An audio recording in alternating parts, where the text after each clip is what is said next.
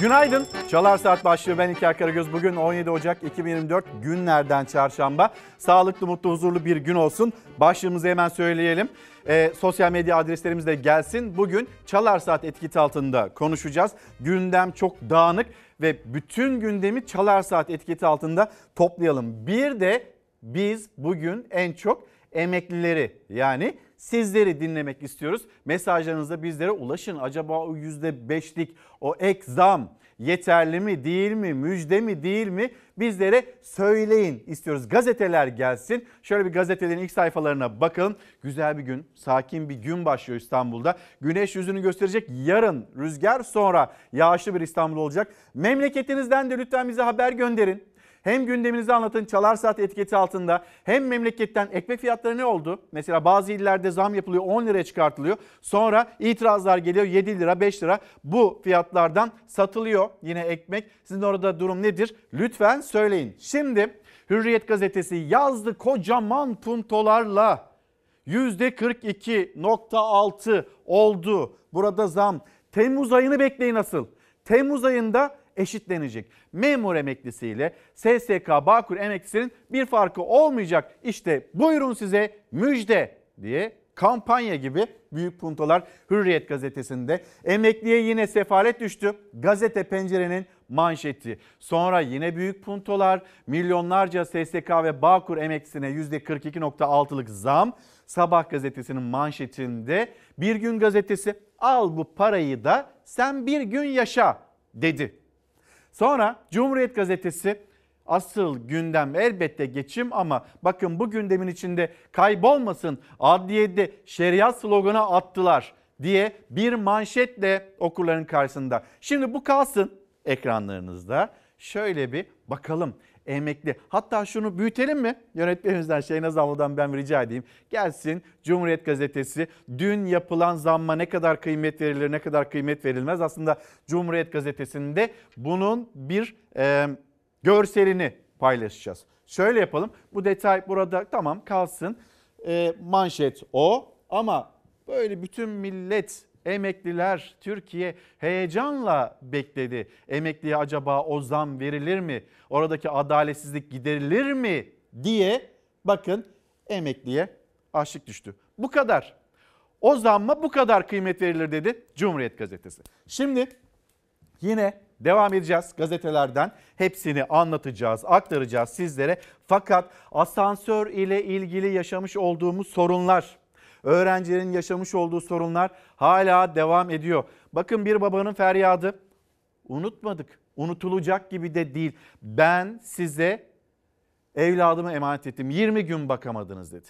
Bir evlat asansörde Aydın'da hayatını kaybetti. Ve şimdi Kredi Yurtlar Kurumu'nda bu asansör arızaları sonra kazaları onlar devam ediyor. Bir faciadan dönülme haberi daha. Yeni günün ilk haberi manşet haberi.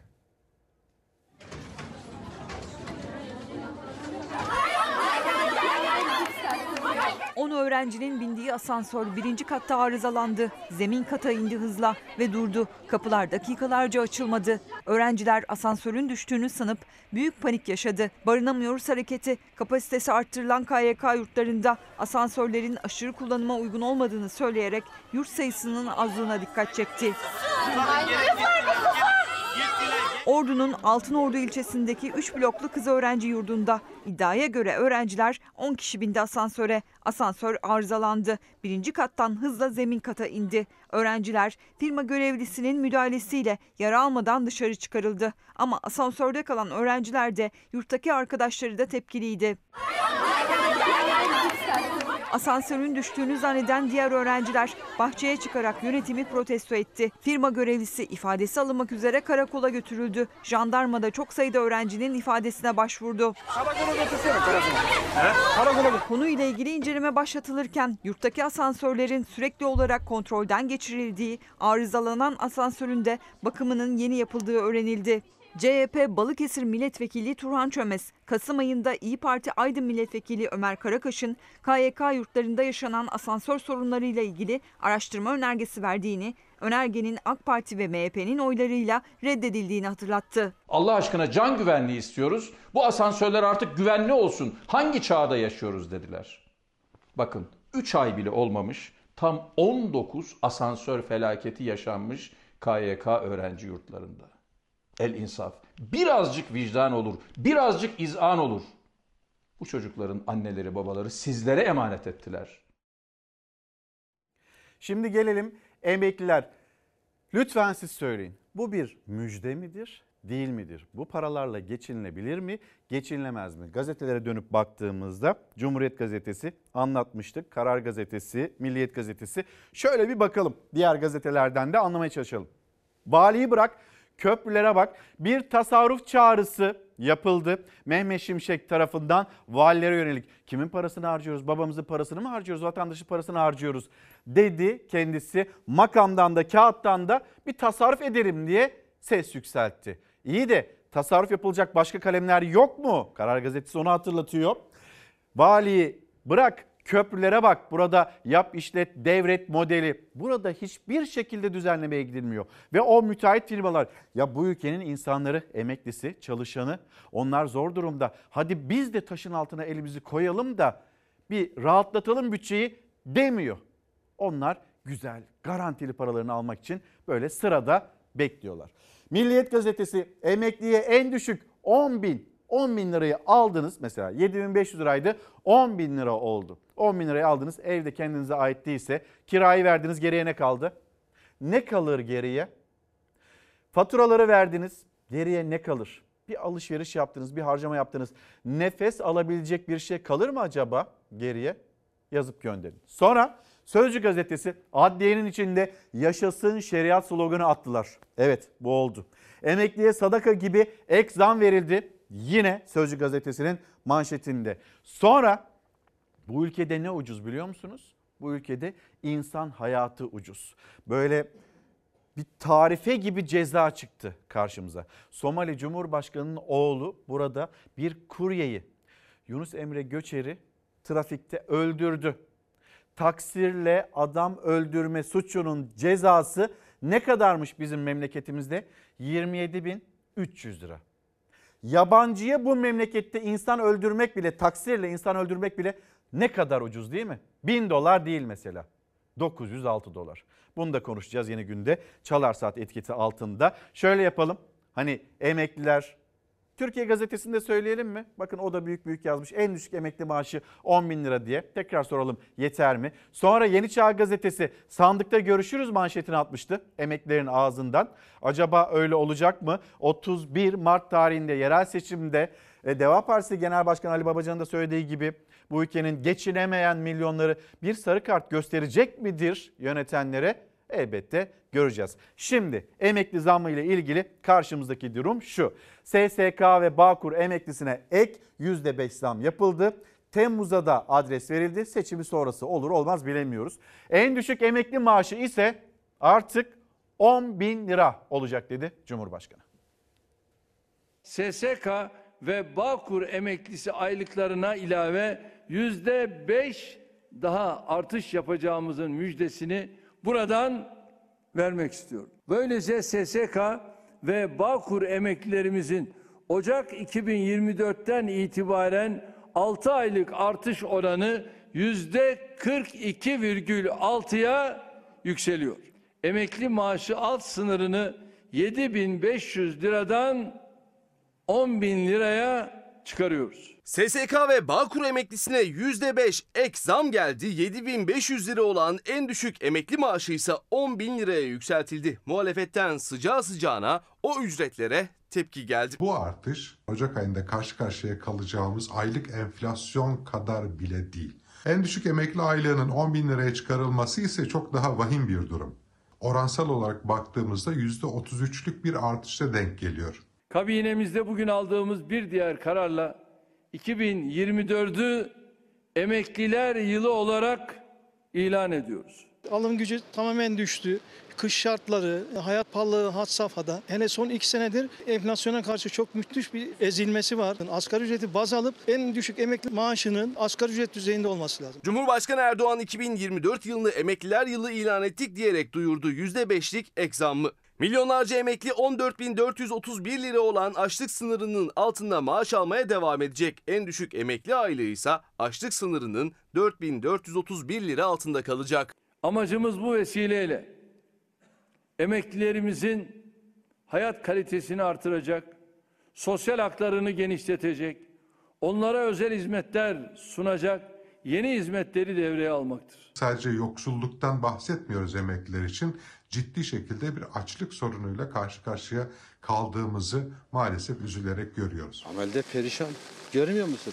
Simit ekmek alamıyor. 15 lira bir tane çay. Geçim, yaşam en büyük, en doğal hakkımız ya bizim. Yıllarca bu adamlar çalışmış, sadakullah da istemiyorlar. Makul bir şekilde çok fazlasında da zaten bizim insanımızın gözü yok. Allah'a şükür deyip deyip oturuyorlar. Cumhurbaşkanı Erdoğan memur emeklisi ve SGK Bağkur emeklisi arasındaki zam oranı Temmuz'da eşitlenecek dedi. Dengesizlik giderilecek sözleriyle CHP'dense zam yok, gelir kaybı var tepkisi geldi. Memur, SSK ve Bağkur ayrımı yapmadan tüm emeklilerimizin yıllık maaş artış oranları önümüzdeki Temmuz'da eşitlenecektir. Burayı özellikle altını çizerek ifade etmiş oldum. Çünkü yılın ikinci yarısındaki maaş artışlarında memur emeklileri enflasyon farkını alırken SSK ve Bağkur emeklileri enflasyonun tamamını alacakları için maaş artış oranlarındaki dengesizlik giderilecektir. Temmuz ayından itibaren emekliler reel olarak herhangi bir artış almamış hatta gerçek enflasyonu baz aldığımızda ciddi şekilde kayba uğramış durumdadır. Bu düzenlemelerden bir an önce vazgeçilmeli, emeklilerin insanca yaşayabileceği bir emekli aylığına ulaşmalarını yolu açılmalıdır. Ve CHP'nin emekli aylığı önerisi. Emekli aylığı asgari ücrete endekslenmeli ve asgari ücret seviyesinde olmalıdır. Böyle bir düzenleme yapılırsa milyonlarca emeklimiz sürekli olarak iktidarda bulunanların gözünün içerisine bakarak emekli aylıklarının ne kadar olacağını merakla beklemek zorunda kalmazlar. Siz değerli emeklilerimizden mesajlar da geliyor. Instagram'dan da X'ten de mesajlarınızı bir okuyalım. Günaydın sizlere de hemen bir isminize bakayım müsaadenizle. Bir rumuzla yazılmış ama ben de kendi sesimi açtım. Özlem Keşan Çitlenbik. Günaydın diyelim. Emekliye neden seyyanen pay verilmiyor? Neden %49.25 değil de neden %42.60 SSK Bağkur emeklisi için neden böyle bir düzenleme yapılıyor? Şimdi yapamadık. Zor bir sene geçecek. Biraz sabır Temmuz'da halledeceğiz dedi Cumhurbaşkanı. Seçimden sonra hallolur mu? Bilemiyoruz. Seçimlerden önce ne vaatlerde bulunuyor da seçimden sonra unutuluveriyor. Sonra mülakatı da hatırlatalım. Ben emekliyim. Biri üniversite, diğeri lise öğrencisi. Evlatlarım var. Kira dediniz ya. Kiranın yanında bir de evlatlar ve onların istekleri, onların eğitim masrafları ekleyiverin diye Murat Bey bizlere hatırlatıyor. Haklısınız. %5 denildi. Bugün 1 Nisan mı diye düşündüm. Şaka yapıyorlar herhalde demiş bir başka izleyicimiz. Hayır yapmıyorlar. Sonra bir başka izleyicimiz 10 bin lirayı en düşük emekli maaşını verelim bakalım kendileri geçinebilecek mi diye sormuş. Zaten geçirilmez. Onlar da o 10 bin lirayı kabul etmezler. Şimdi SSK Bağkur emeklisi ek zammı %5 olarak belirlendi. %42,5, %43 civarında bir zam alacaklar. Gerekli prosedürler mecliste de tamamlandıktan sonra resmi gazetede yayınlandıktan sonra en düşük emekli maaşı 10 bin lira. Ve bugün konuşuyoruz biz anlatıyoruz gündemi ama en çok sizlerin sesini duymak istiyoruz. Yeter mi? Yetmez mi? Bu bir müjde mi? Değil mi? Öyle anlatıyor gazeteler. İktidara yakın duran, yakın sıralanan gazeteler. Lütfen bunun yanıtını siz söyleyin. Biz söylemeyelim, siz anlatın. Şimdi devam edeceğiz. Dün Çalar Saat'te maalesef anlattığımız ve paylaştığımız e, acı bir haberdi. Yaşamış olduğumuz bir otobüs kazası ve otobüs kazasının e, sebebi aslında bir hız hız faciası sonrasında viraja o kadar hızlı girilmemesi gerekirken sonrasında yaşananları göreceksiniz. 9 kişi hayatını kaybetti. Hala yaşamla ölüm arasında o ince çizgide olan, ağır yaralı olan yolcular var. Son bilgileri.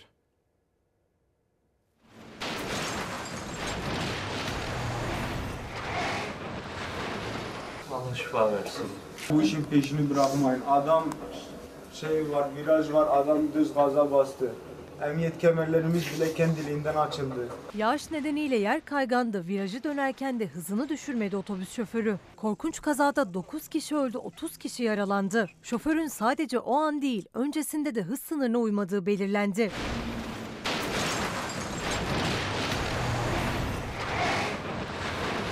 Bütün sürücülerimize sesleniyorum.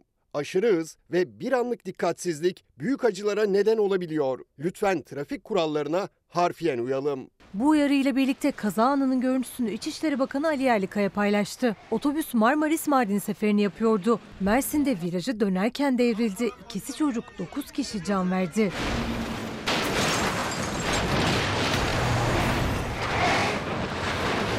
İki saat falan olmuştur mola vereli. Moladan çıktıktan sonra tünele girdik. Tünelden biraz hızlı çıktı herhalde. Virajı fark edemedi. Araba kaydı. Yaralılar o anları anlattı. Şoförün tünelden hızlı çıktığını söylediler. Ulaştırma Bakanlığı da aynı tespitte bulundu. 43 yaşındaki şoförün tünel içinde girişinde çıkışında en fazla 50 kilometre hızla gitmesi gerekirken 98,7 kilometre hızla gittiği belirlendi. Şoför Hüseyin Tayşun'un da yaşamını yitirdiği kazaya ilişkin soruşturma sürüyor.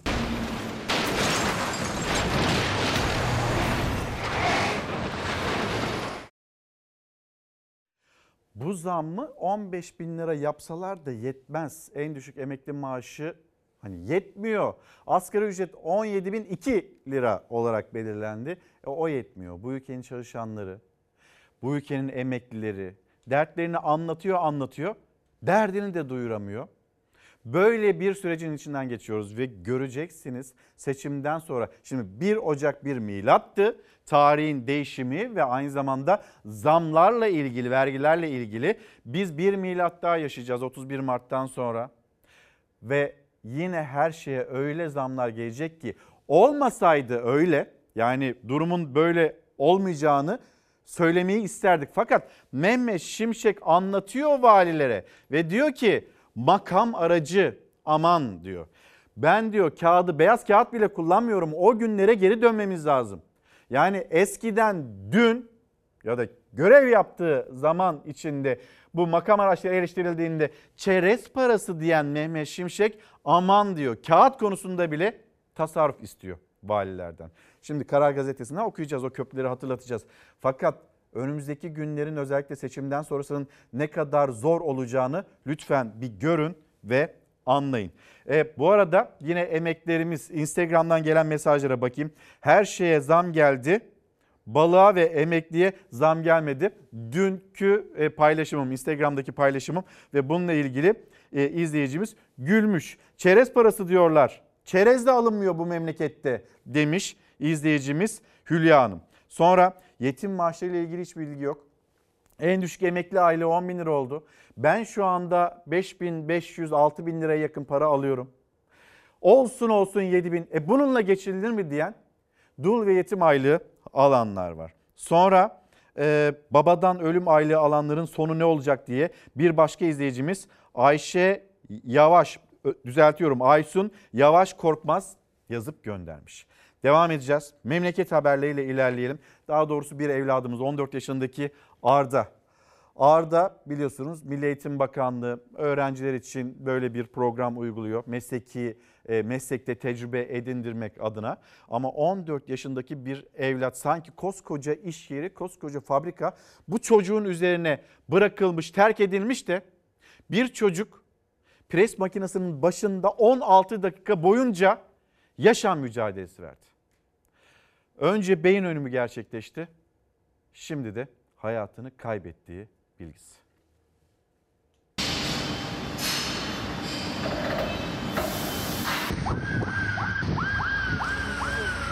Olay yerinde çocuk 16 dakika kalmış makinede. Kimse yokmuş. 4 günden beri yoğun bakımda yatıyor. Hala hayati tehlikesi var. Çocuğumun bir an önce sağlığına kavuşmasını istiyorum. Umutla bekliyorlardı ama kalbi daha fazla dayanamadı. Önce beyin ölümü gerçekleşti. Ardından 14 yaşındaki Arda'nın hayatını kaybettiği haberi geldi.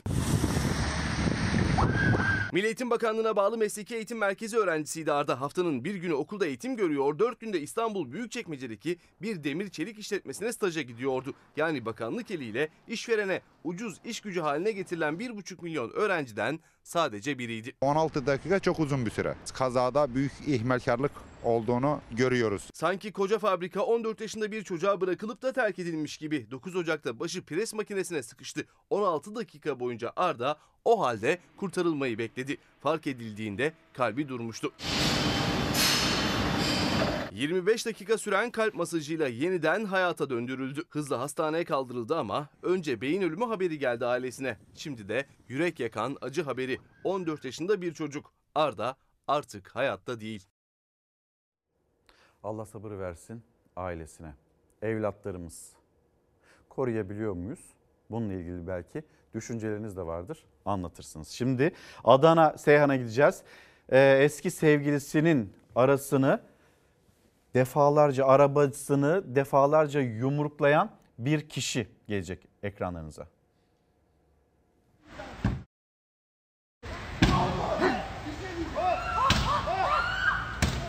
Ay dövecek. Kadına neden saldırdın? Bir şey söyleyeyim mi? Pişman mısın? Otomobilin önüne geçti defalarca camı yumrukladı. Kendini araca kilitleyen kadın canını zor kurtardı. O dehşet anlarını mahalle sakinleri korkuyla kayda aldı. Aracın camına yumruklarla uyguladığı güç öfkesinin boyutlarını gözler önüne serdi. Adana Seyhan'da eski sevgilisine dehşeti yaşattı. Ay dövecek. Kadın o sırada aracın içinde değildi dışarıda savunmasız olsaydı neler olacaktı? Olayı videoya çekenlerin en büyük korkusu da buydu. Aracın ilerlemesini önlemek için önüne yattı. Önce ne olur diyerek yalvardı. Ayrıldığı kadın araçtan çıkmayınca ön camı kırmaya çalıştı. Ay dövecek. İhbar üzerine olay yerine gelen ekipler saldırgan Fırat Ağa'yı yakaladı, emniyete götürdü. Adliye sevk edilen şahıs kontrol şartıyla serbest bırakılırken kadına yaklaşmaması için hakkında uzaklaştırma kararı çıkarıldı. Kadına neden saldırdın? Bir şey söyleyeyim mi? Pişman mısın? Pişman mısın? Son soru. Yanıt da vermiyor. Serbest kaldı. Aksini düşünüyor musunuz? Kimler kimler nasıl serbest kaldı? Birazdan o kurye ile ilgili alınan karar. Somali Cumhurbaşkanı'nın oğlunun 27.300 lirada ödeyerek nasıl serbest kaldığını göreceksiniz. Hatta beraber konuşacağız. Şimdi İçişleri Bakanı Ali Yerlikaya yeni günde yeni bir operasyonun bilgisini verdi. 10 ilde FETÖ'ye yönelik eş zamanlı olarak gerçekleştirilen Kıskaç 4 operasyonlarında 32 şüpheli yakalandı. Milli irademize darbe yapmaya yeltenen FETÖ'cülerle mücadelemiz kararlılıkla devam edecektir dedi İçişleri Bakanı. Şimdi koç başlarıyla yine emniyet güçlerimiz onlar da çeşitli yerlere, adreslere baskınlar düzenledi. 10 ilde ve 32 şüpheli işte bu operasyonların sonrasında yakalandı. Ses varsa ses ses yok. Peki şimdi buradaki bilgiyi anlattıktan sonra yeni yılın ilk Bakanlar Kurulu toplantısıydı. 4 saat sürdü. Tabii Türkiye'nin dikkatle takip ettiği kısım e, kuşkusuz emeklerine kadar zam yapılacağıyla ilgiliydi.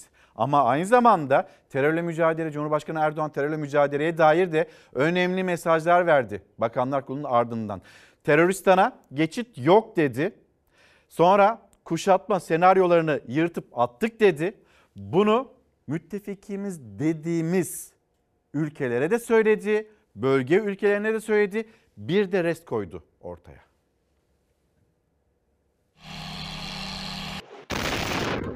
terörü kaynağında bertaraf etme stratejisi en çok bölgemizde bir teröristan kurma hesabı yapanları rahatsız etmiştir. Biz sınır ötesi operasyonlarımızla ülkemizi bir terör koridoruyla kuşatma senaryolarını da yırtıp attık. Ankara terörle yerinde kaynağında mücadeleden taviz vermeyeceğini Cumhurbaşkanı Erdoğan'ın ağzından bir kez daha ilan etti, rest dedi. Türkiye bölücü terör tehdidini ya kaynağında kurutacak ya da eskiden olduğu gibi terörle mücadeleyi sınırları içinde şehirlerinin sokaklarında, mahallelerinde verecektir. Söz konusu terörle mücadele ülkemizin bekası, milletimizin huzuru ve güvenliği olduğunda kimliği ne olursa olsun herkes ya yanımızda yer alır ya da karşımızda. Pençekilit Harekat Bölgesi'nden gelen şehit haberleriyle Mehmetçiğin sınır ötesindeki varlığı yine tartışma konusu olurken Cumhurbaşkanı geriye dönüş olmayacak vurgusunu yükseltti. Yapacağımız yeni harekatlarla sadece şehitlerimizin dökülen kanlarının, yitirdiğimiz canların hesabını misliyle sormakla kalmayacak, geleceğimizi de güvence altına alacağız. Bu da bir adım ötesi terör örgütü Batı'nın kalkanı altında ama Mehmetçiğin sınır ötesinde terör yuvalarına yeni nokta operasyonlar ve harekatları da yakında. Şimdi Türkiye Büyük Millet Meclisi'nde kalalım. Hürriyet gazetesinin ilk sayfasında var. Şimdi gazeteden bir yandan gösterelim. Bir yandan da ben sizlere okuyayım. Mecliste pençe kiliti anlatacaklarını söylemiştik. Hem Dışişleri Bakanı'nın hem de Milli Savunma Bakanı'nın burada verilen mesajlar önemli. Dışişleri Bakanı Hakan Fidan Amerika Birleşik Devletleri DAEŞ ile mücadele bahanesiyle örgüte destek vermektedir. Rusya'da Münbiş'te PKK varlığına göz yummaktadır dedi. Başka hani dünyaya ve yakın bölge ülkelerine verilen mesajlar da var. Sonra Pençekilit Harekat Bölgesi'nde bu hain saldırı, hain tuzak, sızma nasıl gerçekleşti? Bunun bilgilerini de Milli Savunma Bakanı verdi ve sonrasında bir bildiri krizi yaşandı. Tezkere açıklamasıyla aşıldı. Irak'ın kuzeyinde uğradığımız menfur saldırılar kesintisiz mücadelenin önemini ve gerekliliğini bir kez daha ortaya koymuştur. 78 terörist etkisiz hale getirilerek şehitlerimizin kanı yerde bırakılmamıştır. Evlatlarımızın kanı yerde kalmayacak. Siz konuşmayın. Biz konuşacak ki evlatlarımızın kanı akmayacak. Biz bunun için konuşuyoruz. Kandil ne diyor? Türk Silahlı Kuvvetleri'nin burada ne işi var diyor. Muhalefet ne diyor? Diyen muhalefet. Kimse diyenler. Muhalefet ne diyor? Mehmetçiğin orada ne işi var? Alın size söylem birliği. Bir sefer muhalefet diyerek genelleme yapması ve bazı ithamlarda bulunması kabul edilemez bir durum. Mecliste iktidar ve muhalefet sözlerle karşı karşıya gelse de teröre karşı bildiri konulu meclis başkanlığı tezkeresi DEM Parti hariç tüm siyasi partilerin olur oyuyla kabul edildi. CHP kendi bildirisinde yayınlayıp teröre tepki gösterdi. Milletimizin helal oylarıyla Gazi Meclis'te Mehmetçiğe muhalefet edenlere sesleniyorum. Pirincin içindeki beyaz taşlar gibisiniz. Milletimizin siz sizi pirinçle yutmasına asla müsaade etmeyeceğiz. Açıklayacağız. Burada Genelkurmay Başkanlığı yapmış bir kişinin muhalefeti genelleyerek ithamda bulunması, suçlamalarda bulunması kabul edilemez. Meclis Genel Kurulu 12 Ocak'ta Irak'ın kuzeyinde yürütülen Pençe Kilit Harekatı'nda 9 şehit verilmesinin ardından terör gündemiyle toplandı. Sadece 3 hafta önce 22-23 Aralık'ta 12 askerin şehit düşmesinden sonra muhalefetin meclise bilgilendirme yapmasını istediği iki bakan, Milli Savunma Bakanı Yaşar Güler ve Dışişleri Bakanı Hakan Fidan bu kez genel kurulda kürsüdeydi. Zorlu kış koşullarında, sınırlarımızın uzağında üst bölgelerinde Mehmetçiklerimizin güvenliğinin sağlanamadığı bu süreçte bu kararlar askeri olarak verilmekte ve savunulmakta mıdır? Yoksa sivil olarak verilmekte ve askere dayatılmakta mıdır? İstihbarat temininde zafiyet var mıdır? Gözetleme zafiyetini giderecek ilave tedbirler alıyor musunuz? Üst bölgelerimize gerçekleştirilen alçak saldırılar, olumsuz hava koşullarında ve görüş mesafesinin olmadığı bir ortamda kalleşçe gerçekleştirildi. Ülkemizin her bölgesi emniyet ve güven duygusu içerisinde yaşanır hale gelmiştir. Örgüt artık Türkiye'den daha çok Suriye'nin ve Irak'ın milli güvenlik tehdidi haline gelmiştir. CHP imzalamadı. Bu kez Saadet imzalamadı. Gelecek imzalamadı. Deva imzalamadı. Demokrat Parti imzalamadı. 12 askerin şehit düşmesinin ardından CHP bakanların meclise bilgi vermemesi nedeniyle kendi bildirisini yayınlamıştı. Bu kez iktidar tarafından hazırlanacak ortak bildiriye İyi Parti dışında diğer muhalefet partileri de imza atmayacağını açıkladı. Yeni tartışmanın önüne geçmek için bildiri yerine başkanlık tezkeresi formülü bulundu. O tezkereyi DEM Parti hariç tüm partiler imzaladı. CHP'de yayınladığı kendi ayrı bildirisiyle milli güvenliğimiz iç siyaset malzemesi yapılmamalıdır dedi. Şimdi Somali Cumhurbaşkanı'nın oğlu Türkiye'de karışmış olduğu trafik kazası ve bu trafik kazası ile ilgili kazaya karıştı kaçtı memleketimizden sonra iyi hal indirimi. Bakalım bir canın bedeli tarife gibi bir ceza var karşımızda o da 27.300 lira. 27.300 lira maalesef işte 906 dolara bugünün kuruyla parasıyla 906 dolara tekabül ediyor. Yani yabancıya bu memlekette taksirle insan öldürmek bile ucuz. 1000 dolar bile değil.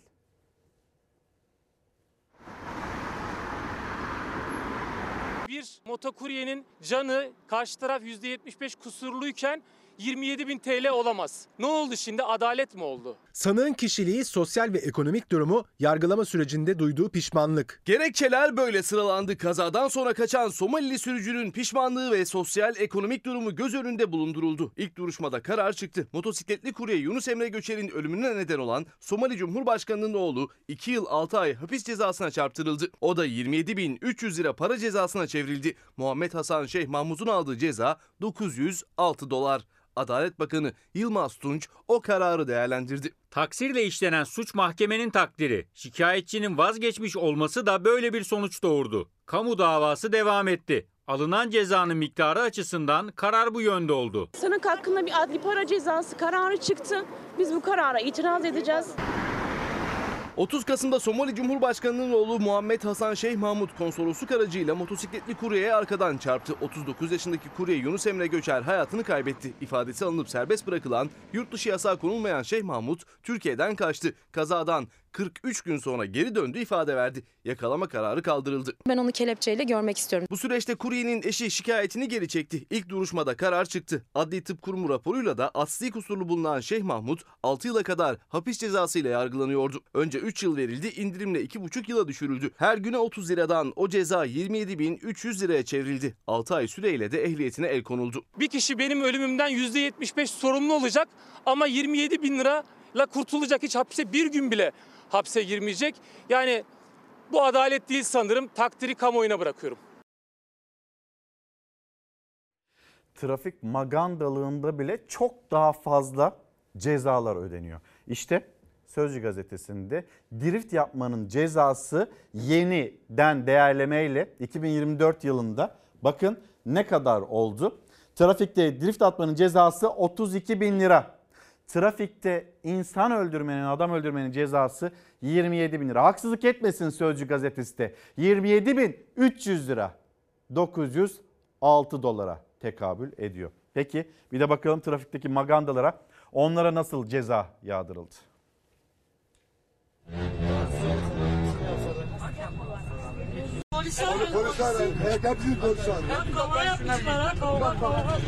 Eşkıya gibi yol kestiler trafikte. Can güvenliğini tehlikeye attılar. Sözde asker uğurlamasına 100 bin liradan fazla ceza kesildi.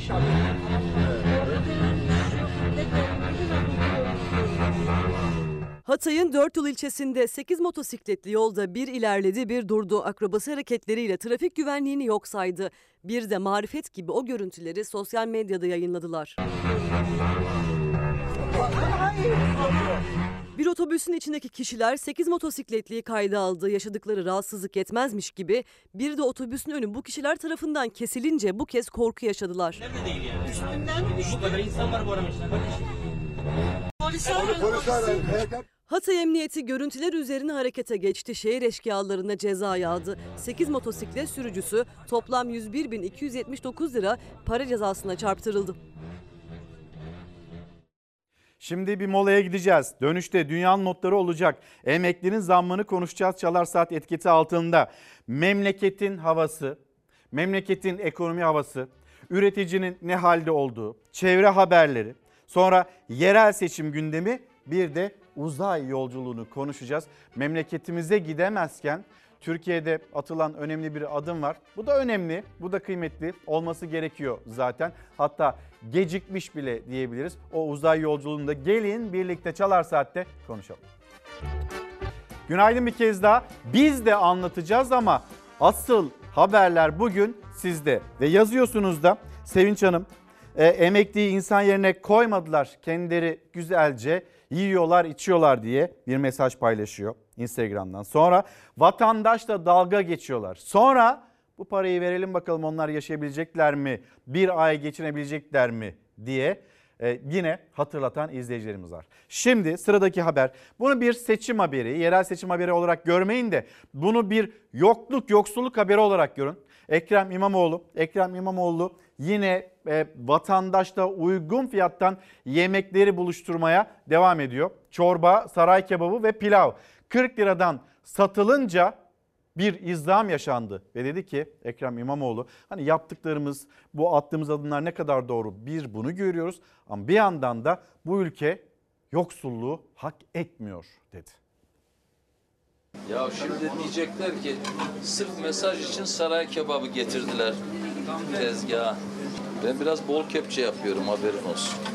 Sizlere söz ki kimsesizlerin kimsesi cumhuriyete inanmış bir ekip olarak vatandaşımızın ihtiyaçlarını karşılayacağız.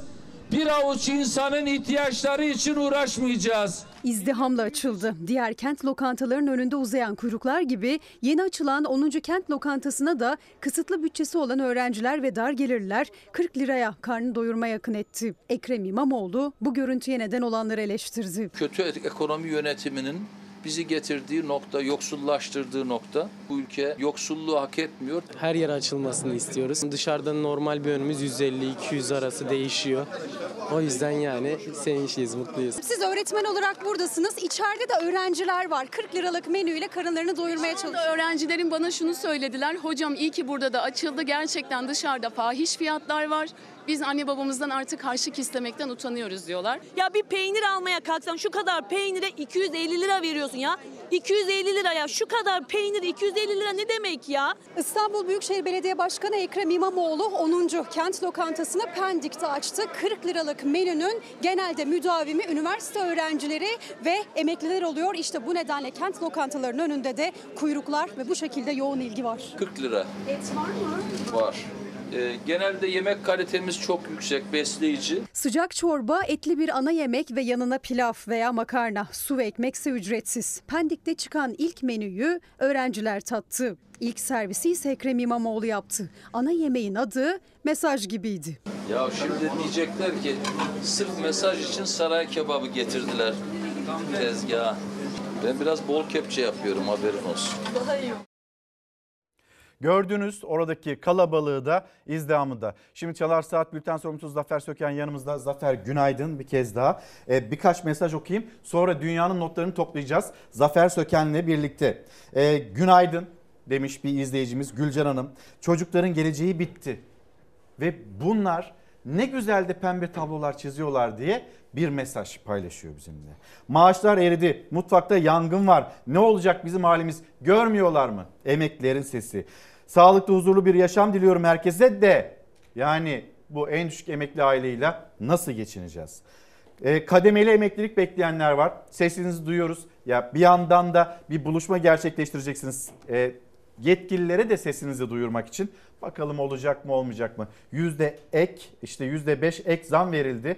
Kademeli emeklilik böyle bir süreçte gelir mi gelmez mi? 31 Mart sarı kart günü olacak mı olmayacak mı? Bir başka soru. Zafer? Günaydın. Gazze'den notlarla başlayalım. Önce sıcak bir gelişmeyi aktarayım buradan. Katar'ın duyurduğu bir anlaşma İsrail ve Hamas arasında bir ateşkes anlaşması değil bu ne yazık ki. Rehine takası da değil. Yalnızca İsrail Hamas'ın elinde bulunduğu rehinelere e, sağlık malzemesi yani ilaç vermesi karşılığında İsrail dedi ki biz de e, sağlık malzemelerinin Gazze'ye geçişine izin vereceğiz. Bu yönde bir anlaşma olduğunun bilgisini de Katar paylaştı. Ancak Gazze'den gelen haberler ne yazık ki e, kötü.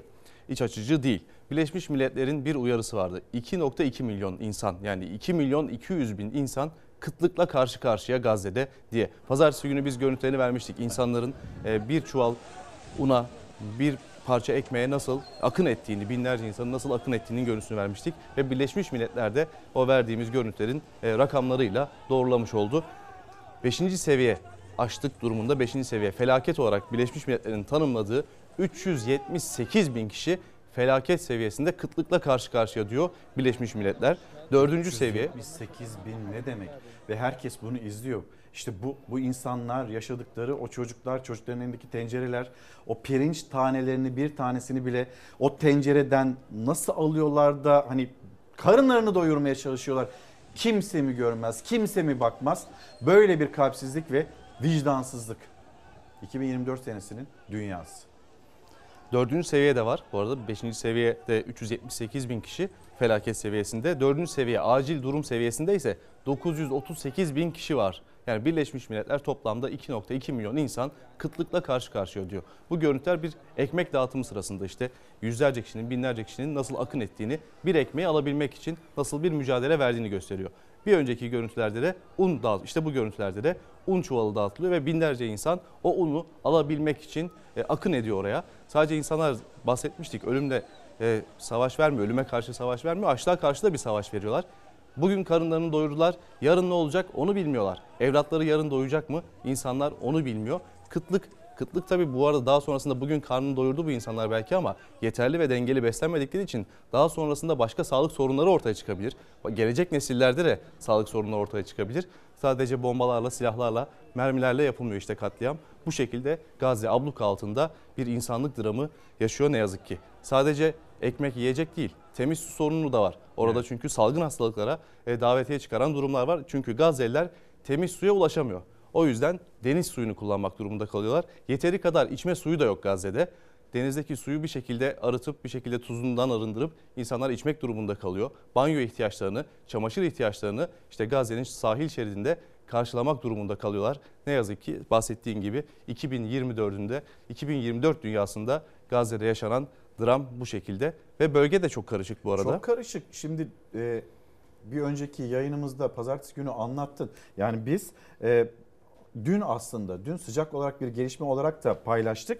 E, Amerika Birleşik Devletleri'nin bölgedeki Erbil'deki e, üsleri hedef alındı İran tarafından. İran devrim muhafızları bir açıklama yaptı. Bölgedeki casusluk faaliyetlerini aslında hedef alıyoruz diye. İran füzelerinin yönünü, hedefini bu kez nereye çevirdi? Pakistan'a çevirdi. Peki ne olacak? Yani bu bundan sonrası nasıl ilerleyecek? Haberi de hazır. Gelsin ekranlarınıza.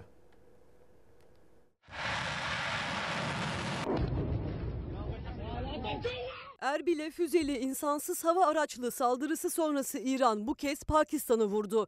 Pakistan'daki iki üssün vurulmasının ardından Pakistan Dışişleri Bakanlığı iki çocuğun öldüğünü, üç çocuğun yaralandığını açıkladı. Önceki haftalarda İran'da yaşanan terör saldırısı sonrası saldırıyı terör örgütü IŞİD üstlense de İran saldırıdan İsrail'i sorumlu tuttu gereken karşılığı vereceğiz dedi. Gece saatlerinde Irak'ın Erbil kentinde patlama sesleri duyuldu. Amerika Birleşik Devletleri'nin Erbil Başkonsolosluğu, Erbil Uluslararası Havalimanı yakınları, ABD öncülüğündeki IŞİD karşıtı koalisyon üssü olmak üzere birçok bölgede patlama yaşandı. Saldırının ardından Erbil Havalimanı'nda hava trafiği askıya alındı. Bazı evlerde yangın çıktı. Dört kişinin hayatını kaybettiği açıklandı. Pentagon yetkilileri saldırılarda Amerika Birleşik Devletleri üslerinin zarar görmediğini duyurdu. Saldırıları İran devrim muhafızları üstlendi. İran bu kez de Pakistan'daki örgütleri hedef alıyoruz dedi füzeli saldırı gerçekleştirdi. Pakistan hükümeti ise hava sahasının sebepsiz yere işgal edildiğini söyleyerek egemenliğimiz ihlal ediliyor dedi. Pakistan Dışişleri Bakanlığı İran'ın saldırılarında iki çocuğun hayatını kaybettiğini duyurdu. Şimdi dünyada bu sene pek çok ülkede seçim de var. Trump, Trump ne yapıyor? Trump bir zafer kazandı ancak öncesinde bu habere bir not ekleyeyim. E, Dünyada akaryakıt devlerinden biri. Türkiye'de de akaryakıt istasyonları olduğu için e, ismini vermeyeceğim. Süveyş kanalını kullanıyorlar normalde Avrupa'ya o akaryakıtın, o petrolün ihracı için, ithalatı için özür dilerim. Süveyş kanalını kullanmama kararı aldı. Türkiye'de de akaryakıt istasyonları bulunan e, bir petrol, petrol şirketi. Bu da tabii maliyetlerin artması demek aslında. Tüm dünya ticaretinde e, etkileyecek bir gelişmeydi bu. Amerika Birleşik Devletleri'ne geçelim o zaman Trump'a. Trump Iowa'da ön seçim vardı Cumhuriyetçiler. Daha doğrusu Amerika Birleşik Devletleri Kasım ayında bir seçime gidecek. Demokratların adayı Başkan Biden olacak. Cumhuriyetçiler de adaylarını belirlemek için bizden farklı işliyor orada siyaset müessesesi. Cumhuriyetçilerin aday adayları yarışa giriyor. İşte Iowa'da Trump yarışa girdi. Nikki Haley vardı ve DeSantis. 3 aday adayı yarıştı ve Trump tarihi bir zafer aldı. Daha önce hiçbir cumhuriyetçinin e, bu kadar farkla bir ön seçim aldığı yoktu. Trump Iowa'da %51 destek aldı. En yakın rakibi %21. Yani 30 puanlık bir farkla Trump Iowa'daki e, ön seçimi kazandı. Diğer Geliyor eyaletlerde mu? de seçim adım olacak. adım Trump yine geliyor mu ABD başkanlığına o zaman? Trump adaylığa geliyor. Daha önce de burada Adaylığa. söylemiştim. Yani benim tahminim Biden'la Trump yarışırsa yani burada hani iddiaya girerler ya böyle maçlardan önce benim tahminim Biden'la Trump yarıştığı durumunda Trump'ın kazanacağı yönünde. Ama bu benim e, şahsi öngörüm. Trump Bakalım o süreç içinde daha neler yaşanacak. Trump tarihi bir zafer kazandı Iowa'da. Yani Trump'ın ayak sesleri en azından cumhuriyetçiler için. Cumhuriyetçiler için Trump'ın ayak sesleri gümbür gümbür duyuluyor. %30'luk fark büyük bir farktı. İngiltere'de ise yine bir kraliyet tartışması var. Bir monarşi tartışması var. İşte bu fotoğraf, bu fotoğrafın bedeli 8 milyon sterlin. Nasıl? Yani fotoğrafın çekilmesi değil. Kamu binalarına yeni kral, kraliçe hayatını kaybetmişti. Yeni kralın fotoğrafı asılacak. Ve toplam maliyeti kamu binalarına o kralın fotoğrafı asılmasının maliyeti 8 milyon sterlinmiş ve Belki İngiltere'de çerez parasıdır İngiltere için. ama bunu bile konuşuyorlar. Bu çok önemli. Bizde mesela kamu binalarına asılan Bizde fotoğrafların konuşturulmadı mesela değil mi makam araçları çerez parası denilerek. Şimdi kağıtları konuşuyoruz. Evet. Bizde mesela bu fotoğrafların bedeli nedir bilmiyoruz aslında. Böyle detaylı bir açıklama yok. İngiltere'de kraliyet karşıtları bu utanç verici bir israftır diyor. O fotoğrafların değiştirmesi ya da kralın fotoğraflarının kamu binalarına asılması için harcanan 8 milyon sterlin utanç verici bir israf diyor monarşi karşıtları İngiltere'de. O fotoğrafı konuşuyor kralın yeni çekilmiş fotoğrafını. Şili'de ise bir e, uçak kazası haberi var. Yangına müdahaleye giden uçak otoyola çakıldı. Orada da hayatını kaybedenler var.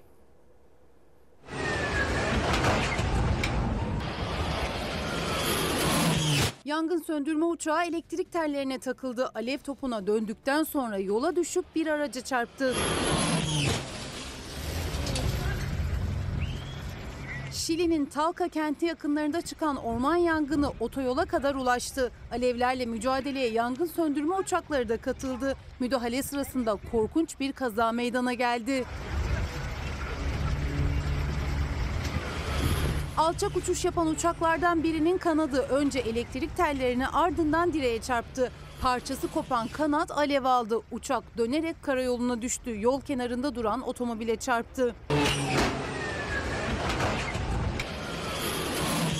Çarpışma sonrası araçta da yangın çıktı. Sürücülerin cep telefonlarıyla kaydettiği kazada uçağın 58 yaşındaki pilotu öldü. Otomobildeki 3 kişi de ağır yaralandı.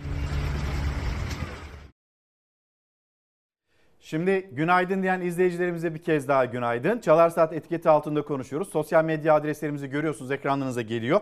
Emeklilerimiz biz bugün en çok sizi duymak, sizi dinlemek istiyoruz demiştik. Emekli almış olduğu zamlarla ilgili ciddi itiraz sesleri yükseltiyor.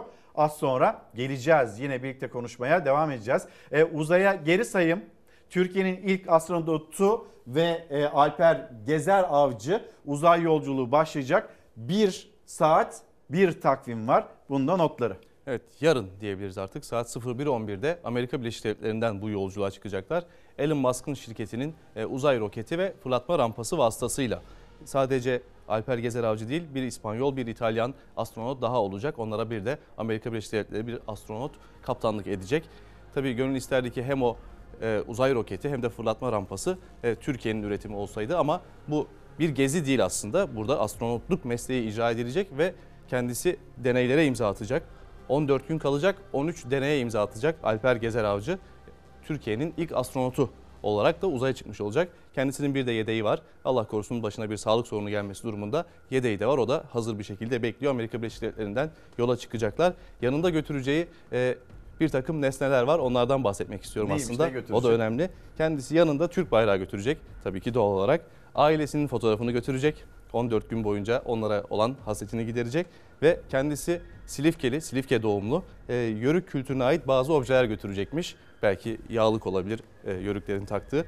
Bunları da yanında götürecek uzaya giderken Alper Gezer Avcı ve biz de o anları heyecanla takip edeceğiz. Haberini de buradan e, paylaşacağız. Şimdi e, Şehnaz ablanın, yönetmenimiz Şehnaz ablanın merak ettiği habere geldik. Evet Avusturya'ya gideceğiz. Bir Alman ve bir Türk. Ee, 27 yaşında Hamza. Avusturya'da aşçılık yapıyor. Çalıştığı restoranda 40 yaşında Gundula ile aralarında bir aşk başlıyor ve o aşk nişanlanıyorlar önce ve en sonunda da nikah masasına oturuyorlar. Evet. Evet, diyecekler, imza atacaklar ancak işte Avusturya polisi geliyor diyor ki Hamza daha önce Avusturya'ya iltica başvurusunda bulunmuş 27 yaşındaki Türk vatandaşı ancak reddedilmiş.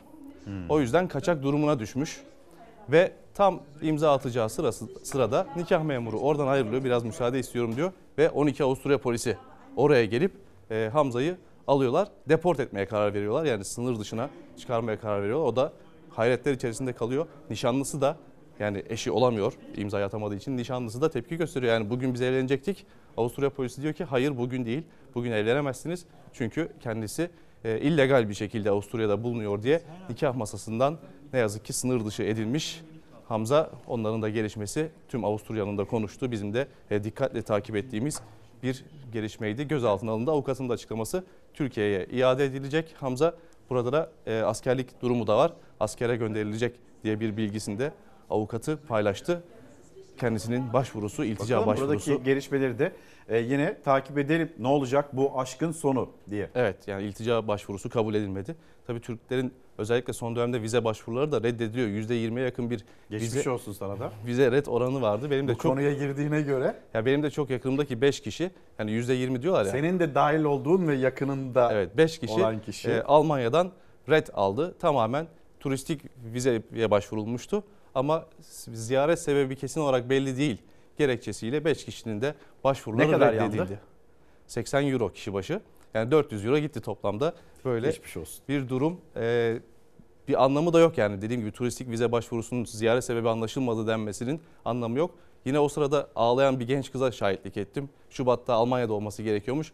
Vize başvurusu reddedilmiş. Ne yapacağım ben diye ağlıyordu. Dışişleri Bakanlığı biz gerekli mercilerle konuştuk. Türkiye'nin hassasiyetlerini ilettik diye e, bilgisi vardı ama demek ki çok da anlamamışlar herhalde söz konusu ülkeler. E, başvurularda yoğun bir red oranı yine yaşanıyor. Bu tabii aslında birkaç kişinin Üzücü elbette. yurt dışına Türkiye çıkması değil. Cumhuriyeti vatandaşları ve onlara e, güvenmeme, gezmek için turist olarak bile gitmek istediklerinde güvenmeme anlayışı kötü ve hala burada bir problem yaşanıyor. İşte Zafer Söke'nin yaşadığı Ya bu durum. da pasaportumuzun gücünü gösteriyor ne yazık ki. Evet. Japonya'ya uzanalım buradan. Japonya'da 2024 yılı Japonya'ya uğurlu gelmedi diye bahsetmiştik. Japonya'da yine bir iki daha doğrusu uçak kazası. İki uçak pistte birbirine çarptı. Neyse ki büyük bir kaza değildi bu. İki uçağın kanatları birbirine çarptı. Yoğun kar yağışı nedeniyle yaşanan bir felaketti bu Japonya'da. Kimseye bir şey olmaması buradaki en büyük teselli verici unsur. İşte bahsettiğim gibi o uçakların e, kazanın ardından geldiği durum Japonya ne yazık ki Deprem, peş peşe 2024'ü uçak kazaları. iyi bir şekilde karşılayamadı. Şimdi Burdur'dan bir haber vardı. Kıl payı kurtuluşun haberi. Beyza Gözey'in hazırladığı. Ona bakıp öyle devam edebiliriz. tamam, Burada da öyle kıl payı yapalım. Şimdi bir de Burdur'a gidelim Japonya'dan. Park ettiği aracının arkasındaydı. Üzerine otobüsün sürüklediği otomobilin geldiğini görünce saniyelik hareketle kıl payı kurtuldu. Burdur'un Gölhisar ilçesinde ölüm onu teğet geçti. Kendi aracıyla otobüsün sürüklediği aracın arasında ezilmekten son anda kurtuldu. Dört yol ağzında ne servis aracı ne otomobil ikisi de birbirine yol vermeden seyrine devam etti. Servis aracı otomobili önüne kattığı gibi sürükledi. O sırada park halindeki aracın arkasına duran adam kendini kaldırıma attı. Kaldırıma doğru hamle yapmasaydı kendi aracıyla kaza yapan otomobilin arasında ezilecekti. Saniyelik kurtuluşun görüntüleri yürekleri ağza getirdi. Semra Hanım diyor ki bir de alay eder gibi 2024 yılını emekliler yılı ilan ettiler. Emekliler geçinemezken 2024 yılında hani kendilerine en azından bir yılları var. Ya da bir yılları mı var e, kendilerini toparlayabilmek için, bütçelerini toparlayabilmek için. E bunu da konuşalım. Nasıl geçecek o 2024 yılı hatırlatmış olalım. Şimdi yine dünyanın notları. Dün şöyle bir paylaşım görmüştüm. 10 bin 2 lira olsaydı bari diye asgari ücrette 17 bin 2 lira yaptılar ya. Yani 2 lirayı bile çok gördüler sanırım emeklilere 10 bin lirada kaldı. Mauri, Mauritius'a gideceğiz şimdi. Doğu Afrika'da burası. E, Madagaskar'ın biraz yanı. e, köprüyü geçince sağda gibi oldu ama Madagaskar'ın yan tarafında bulunan bir ada. Tropikal siklon, e, şiddetli rüzgar ve ardından e, yaşanan işte sel felaketi, aşırı şiddetli yağış. Burada en az bir kişi hayatını kaybetmiş. İnsanlar yolda araçlarıyla ilerlerken birden su baskını ile beraber e, araçları durmuş, arızalanmış ve onlar da e, hayatlarını kurtarabilmek için araçlarının üzerine çıkmış ve kurtarılmayı bekliyor işte görüntülerde bu şekilde. En az bir kişi de ne yazık ki hayatını kaybetmiş bu sel felaketi nedeniyle. Buradan Tanzanya'ya uzanalım. Tanzanya'da da yine bir sel felaketi var ve bir sürücü, bir motosiklet sürücüsü Burada bir dere yatağında aslında ve dere olduğunu fark etmiyor. Motosikletiyle orayı geçerim diye düşünüyor ama geçemiyor. İşte geçemeyince de başına gelenler neyse ki canına bir şey gelmemiş en azından. Motosikletiyle düşüyor. O da motosikletini artık bırakıyor. Kendi canını düşünerek oradan kalkıyor. Gayet de şık giymiş aslında böyle takım elbisesiyle grand tuvalet giymiş ama e, o elbise de tabii kirlendi. Başına bir şey gelmemesi buradaki en büyük teselli oldu. Selin tam da göbeğinde kalmış maalesef. Şimdi o zaman Tanzanya'dan da memlekete dönelim. Memleketin havasını da paylaşalım. Öyle ilerleyelim.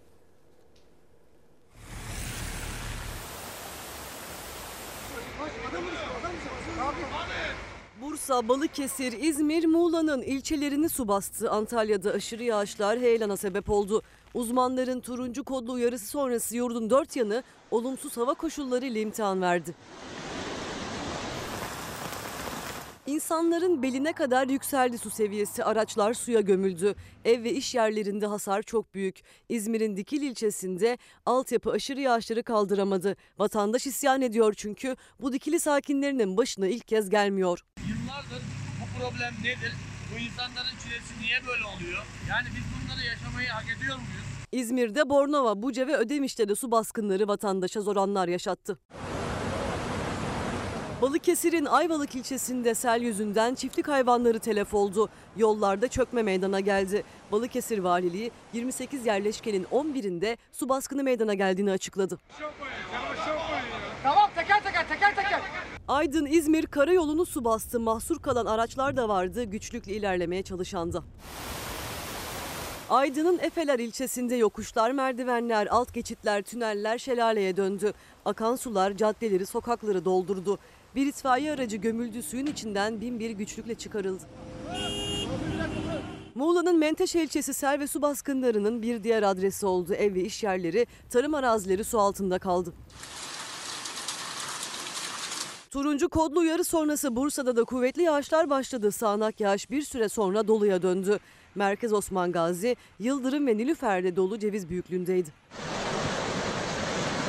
Antalya'da şiddetli yağışların merkezindeydi. Alan ilçesinde tarım arazilerini su bastı. Manavgat ilçesinde ise heyelan meydana geldi. Karaöz ve Aksaz mahallelerini birbirine bağlayan yolun üstüne çöken toprak o sırada kimse yoldan geçmediği için faciaya sebep olmadı. Depremin yaralarının bir türlü sarılamadığı Hatay'da konteyner kentlerde yaşayanlar olumsuz hava koşullarından etkileniyor.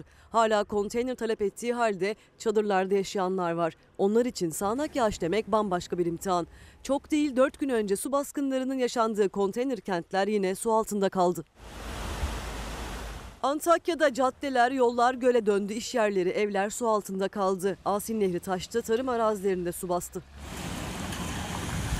Ordu'da ise fırtına vardı. Saatteki hızı 50 kilometreyi bulan fırtınada insanlar ayakta durmakta zorlandı. Rüzgarın savurduğu bir adam son anda ağaca tutunarak düşmekten kurtuldu. Memleketimizden yine dünyaya döndüğümüzde dünyanın konuştuğu konuları getiriyor. Zafer Söken dünyanın gündemini aynı zamanda ve o sıcak gündemlerden birisi de İzlanda'da. İzlanda'da yanardağ bir kez daha patladı. Pazartesi günü ekrana getirmiştik. O yanardağ ilerlemeye, lavlar ilerlemeye devam ediyor ama lavların hızı düştü. Oradaki kasaba 4000 kişilik kasaba tahliye edilmişti. Yine pazartesi bahsetmiştik. 100 kişi tahliyeden sonra tekrar evlerine geri döndü. Yanardağ yeniden faaliyete geçince o 100 kişi o 100 kişi bir kez daha tahliye edildi. İşte bir evi nasıl yaktığına ait lavların görüntüler drone ile çekilmiş, kaydedilmiş görüntüler bunlar. 3 ev şimdiye kadar e, bu şekilde yanarak küle döndü ve lavların eve evlere nasıl yaklaştığının görüntüsü. Lavlar tabii uzaklaştıkça yanardağdan e, o ateşi de düşüyor. Yavaş yavaş sönmeye başladı ama İzlanda'da yaşanan o tektonik hareketlilik ve ardından yanardağdaki patlamanın görüntüsü de bu şekildeydi. Buradan da Çin'e gidelim. Çin'de bir kaçak lastik, bir kamyonun lastiği. Kamyon yolda ilerlerken e, bir şekilde lastiğinde bir arıza meydana geliyor ve fırlıyor. Lastik tamamen kontrolsüz bir şekilde ilerliyor ve yanarak ilerliyor. Hatta e, o sırada da bir tamirhanenin içine giriyor. Ve insanlar var Allah'tan fark ediyorlar. O Evet. lastiğin yanarak geldiğini kendilerine çarpmasın diye kaçışıyorlar.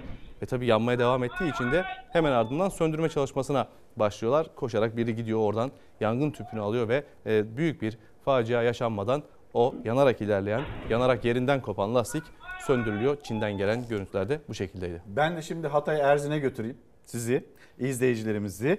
Sahibinin elinden kaçıp otoyola çıkan bir buzağı. Kır kır kır kır dayı kır dayı kır. Ah geçti dayı. Sürekli önüne kırdılar direksiyonları ama o bana mısın demedi. Tırların, tankerlerin arasından bir boşluk bulup kaçmaya devam etti. Firari buzağı Adana Hatay otoyolunu birbirine kattı. Mehmet abi dur. Hay. Allah kahretsin. Hatay'ın Erzin ilçesinde otoyolda seyir halindeki sürücüler kaçak bir buzağı ile karşılaştı. Tır ve kamyon sürücüleri bir kaza yaşanmadan buzağı yakalamak için seferber oldu. Araçlarla önünü kapatmaya çalışsalar da başaramadılar. Çek. Ay kır kır kır. Ah sıkıştı. Ondan da kaçtı lan. Araçlar sıkıştırınca bariyerlerden atladı. Her seferinde kaçacak bir boşluk buldu buzağı. Mehmet abi kapat. Şurayı bize kapatak. Al al ya ya ben arkayı. Gülümseten kovalamaca buzağının sahibine teslim edilmesiyle son buldu. Adana'dan Hatay'a gelirken otoban yolunda buzağı karşımıza çıktı. Çıkan buzağı diğer şoför arkadaşlarla birlikte kovalamaca sonucu yakalayıp sahibine teslim ettik. Şimdi yine devam edelim. Neredeyiz? New York'a gideceğiz. Amerika Birleşik Devletleri New York'a. New York'tan gelen görüntüler bu arada böyle filmler vardır ya kıyamet filmleri yarından sonra gibi filmler. Ona benzer görüntüler geldi. Çünkü New York bir kar esareti altında ve Amerikan futbolunu da vurdu. Buffalo Bills'in maçı vardı. Amerikan futbol takımı Buffalo Bills'in maçı vardı. Maç kar muhalefeti, hava muhalefeti nedeniyle oynanamıyordu. Çünkü stadyumun hem zemini hem de tribünler tamamen karla dolmuştu. Buffalo Bills taraftarlarına bir çağrı yaptı. Gelin size ücretsiz yemek verelim. Saat başı 20 dolar verelim. Gelin bu karı birlikte temizleyelim diye. Ve taraftarlar o davete icabet ettiler ve karları birlikte temizlediler. Aslında burada bir kar temizleme çalışması. Burada bir oluk vasıtasıyla orada biriken karları topluyorlar. Bu e, tişörtsüz beyefendi de o karları aşağı aktarıyor. Onun için hem eğlenmiş hem de o kar temizleme çalışmasına destek olmuş. İşte karın ne kadar beline kadar geliyor adamın ne kadar yükseldiğini görüntüsü ve maçta en nihayetinde oynanıyor. Buffalo Bills taraftarları da maçı kazanınca oradaki karlarla birlikte galibiyeti bu şekilde kutlamışlar. Yine Amerika Birleşik Devletleri'nde kalalım. Bir güzellik yarışması. Güzellik yarışmasında da bir ilk. İlk defa bir savaş pilotu, aktif görevdeki bir savaş pilotu Miss Amerika yani Amerika güzeli seçilmiş 22 yaşındaki Madison Marsh. Kendisi savaş pilotu orduda.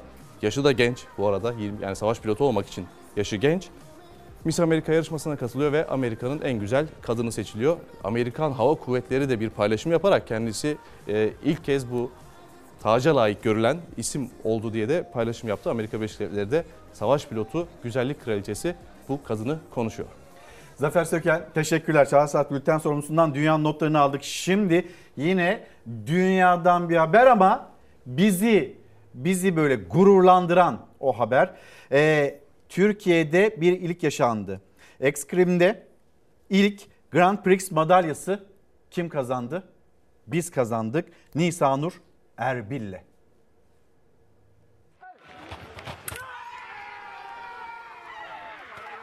Çok yorgunum ama aynı zamanda çok mutluyum. Ülkeme bir ilk yaşattığım için, e, federasyonuma bir Grand Prix madalyası getirdiğim için çok mutluyum. Milli eskrimci Nisanur Erbil Türkiye'ye bir ilki yaşattı. İlk Grand Prix madalyasını kazandırdı. Distance from Erbil, beautiful. Display from Nisanur 12 yaşında Samsun'da başladığı eskrim sporunda bir ilk onunla geldi Türkiye'ye. Eskrim tarihine adını yazdırdı 20 yaşındaki milli sporcu Nisanur Erbil. Tunus Kılıç Grand Prix'sinde ikinci oldu. Türkiye eskrim dalında bu organizasyondaki ilk madalyasını kazandı onun sayesinde. Emeği olan herkese, destekçilere, e, bütün takım arkadaşlarıma, antrenörlerime, e, ekran başında beni heyecanla destekleyen insanlara sonsuz teşekkür ederim. Elde ettiği dereceyle gümüş madalya sahibi olan Nisanur yarışmanın ardından sevincini ve gururunu böyle dile getirdi. Çok yorgunum ama aynı zamanda çok mutluyum. Ülkeme bir ilk yaşattığım için Emeklerimizi konuşuyoruz. Bir yanda başarılar, bir yanda güzel haberler, diğer tarafta memlekette olup bitenler, dünyada olup bitenler ve emeklerle ilgili Ankara Büyükşehir Belediye Başkanı Mansur Yavaş'tan bir açıklama geldi. Hemen söyleyeyim. Değerli emeklerimiz size en çok ihtiyacınız olan dönemde yalnız bırakmayacağız. Açlık sınırının altında kalan maaş alan ve sosyal yardım alma hakkı olan emeklilerimize verdiğimiz aylık 1000 lira desteği sürdüreceğiz. Ayrıca her ay 400 lira et desteği ve kış aylarında aylık 500 lira doğalgaz desteğiyle yine yanınızda olmaya devam edeceğiz. Bunu bir büyükşehir belediye başkanı Mansur Yavaş başarabiliyor. Hem de dar bütçeyle hem de hakim olamadığı bir mecliste ama Türkiye Büyük Millet Meclisi'nde milletvekilleri, hükümet, AK Parti, sonra bir kabine, Cumhurbaşkanlığı hükümet sistemi, Cumhurbaşkanının telkini biraz sabır. Şimdi %5 yaptık. Temmuz ayında düzelteceğiz. Düzelir mi? Sabredebilecek bir zamanı vakti var mıdır acaba emeklinin?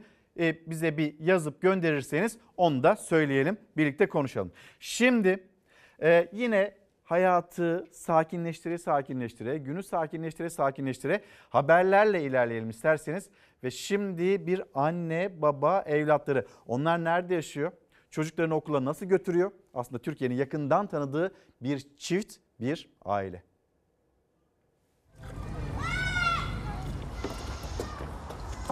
Yaşam harika ve denize girmeyi, dalış yapmayı çok seviyorum. O yüzden hep plajlara gidiyoruz. O tekneyle Antarktika'ya gitmişti Atasoy çifti. Şimdi de Fethiye'de aynı teknede hayatlarını sürdürüyorlar. 6 yaşındaki oğulları Can da botla okula gidip geliyor. Şansımız okulda çok yakın demirleyebildik. Çünkü şey burası e, demirleme alanı olarak da e, rahat ve güzel bir yer. 12 yaşında bir çocukken okuduğum Sadun Borun Pupa Yelken kitabı orada yazanlar benim hayatımın alın yazısını oluşturdu. Şu anda da karada bir evim yok mesela hiç olmadı. İçimde karada bir ev olmasına dair bir istek hiç doğmadı. Ta ilk gençlik yıllarımdan beri. Deniz onların en büyük tutkusu. Onlar için hayatın ta kendisi. Osman Atasoy'la eşi Sibel Karasu Atasoy 1992 yılında uzaklar teknesiyle dünya seyahati yaptı. 2008'de de uzaklar iki teknesiyle Antarktika'yı gezdiler. İlham veren o yolculukların ardından denizden kopamadı çift. Denizde yaşamaya devam etti. Bana soruyorlar niye denizdesin? Denizde ne işin var? Niye herkes gibi karada yaşamıyorsun?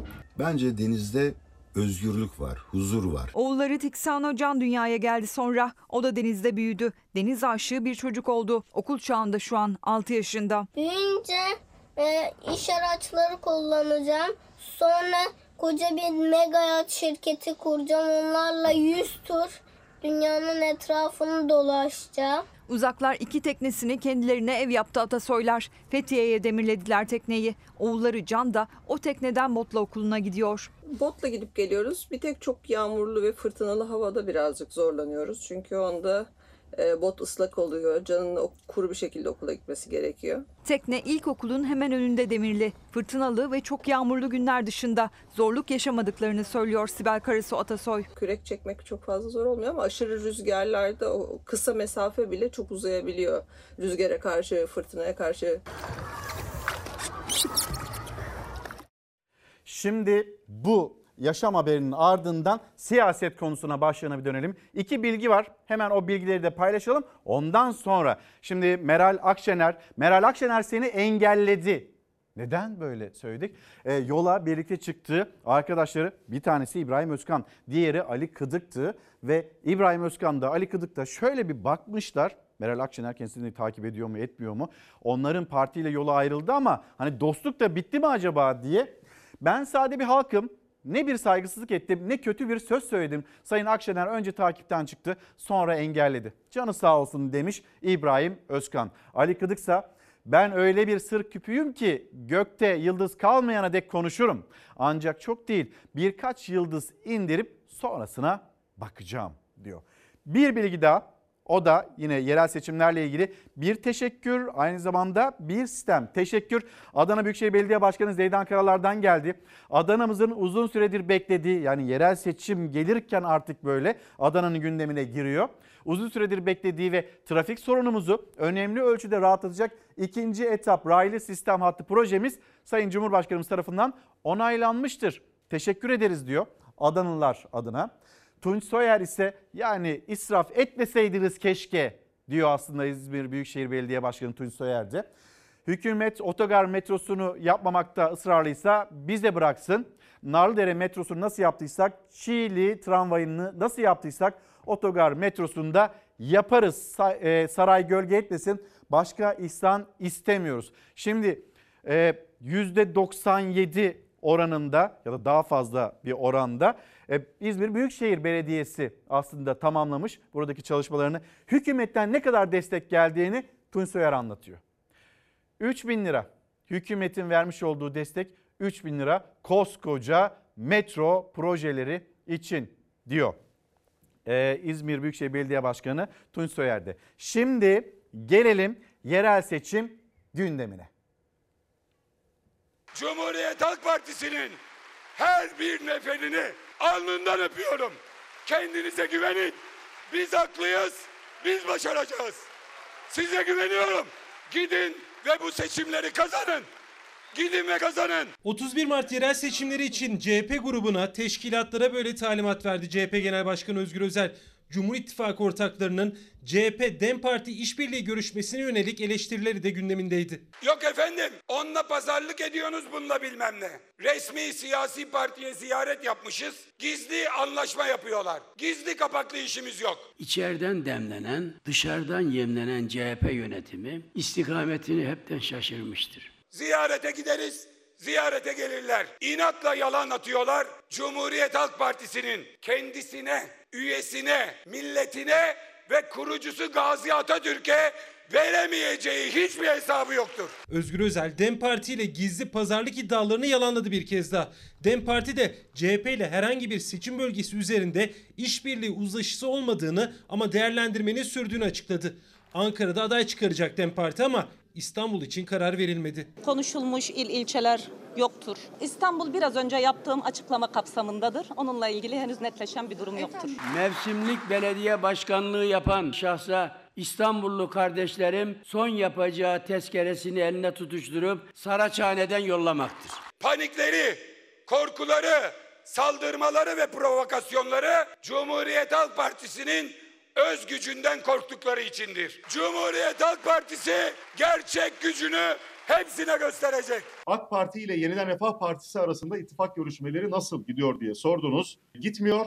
AK Parti ile Yeniden Refah Partisi arasındaki heyetler arasındaki görüşmeler kesildi. AK Parti ile Yeniden Refah Partisi'nin görüşmelerinin tıkanma nedeni kulislere göre Fatih Erbakan'ın İstanbul'da ilçe, Konya Büyükşehir Belediyesi ya da bir il belediyesi talebi. AK Parti'den Konya Büyükşehir Belediyesi'ni talep etmedik. Biz duruşumuzu pazarlık kelimesiyle ifade etmek istemiyoruz. AK Parti Ankara ve İzmir adayını da 18 Ocak'ta açıklayacak. Bir temas sağlanmaz ya da işbirliği için anlaşma olmazsa yeniden Refah Partisi de İstanbul, Ankara, İzmir adaylarını açıklamak için 10 Şubat tarihini belirledi. Yani evet kapı bir yere kadar aralık ama tarihi de belli.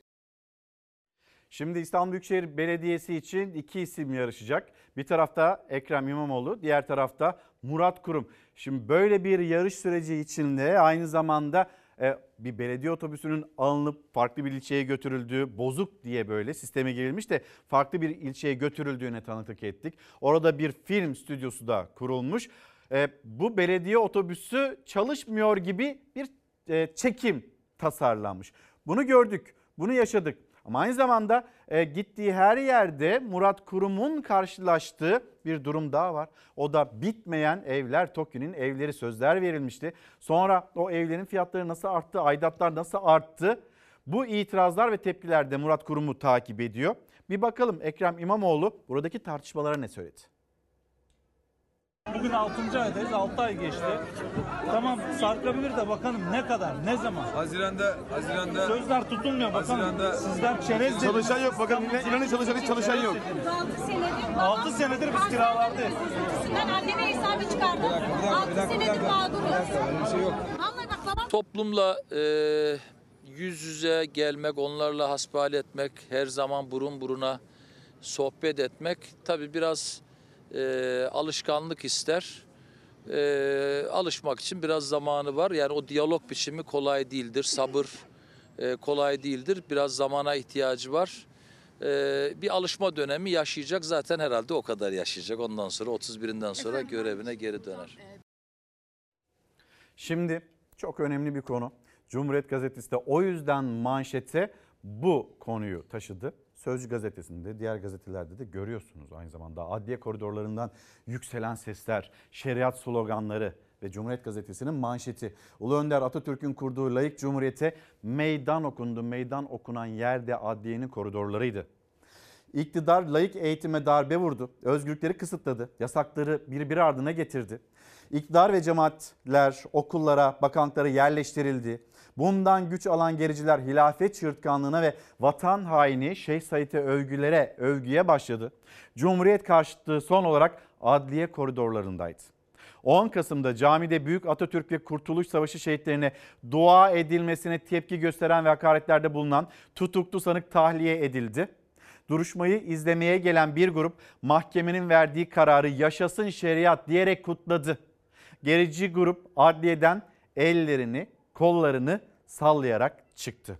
Şimdi bu Türkiye'de sosyal medyada büyüdü, büyüdü, büyüdü. Nasıl olur? Türkiye Cumhuriyeti değerleri, sonra Cumhuriyet'le, Ulu Önder Mustafa Kemal Atatürk'le, silah arkadaşlarıyla bir hesaplaşma ve öyle bir hesaplaşma ki adliye koridorlarında şeriat çığırtkanlığı.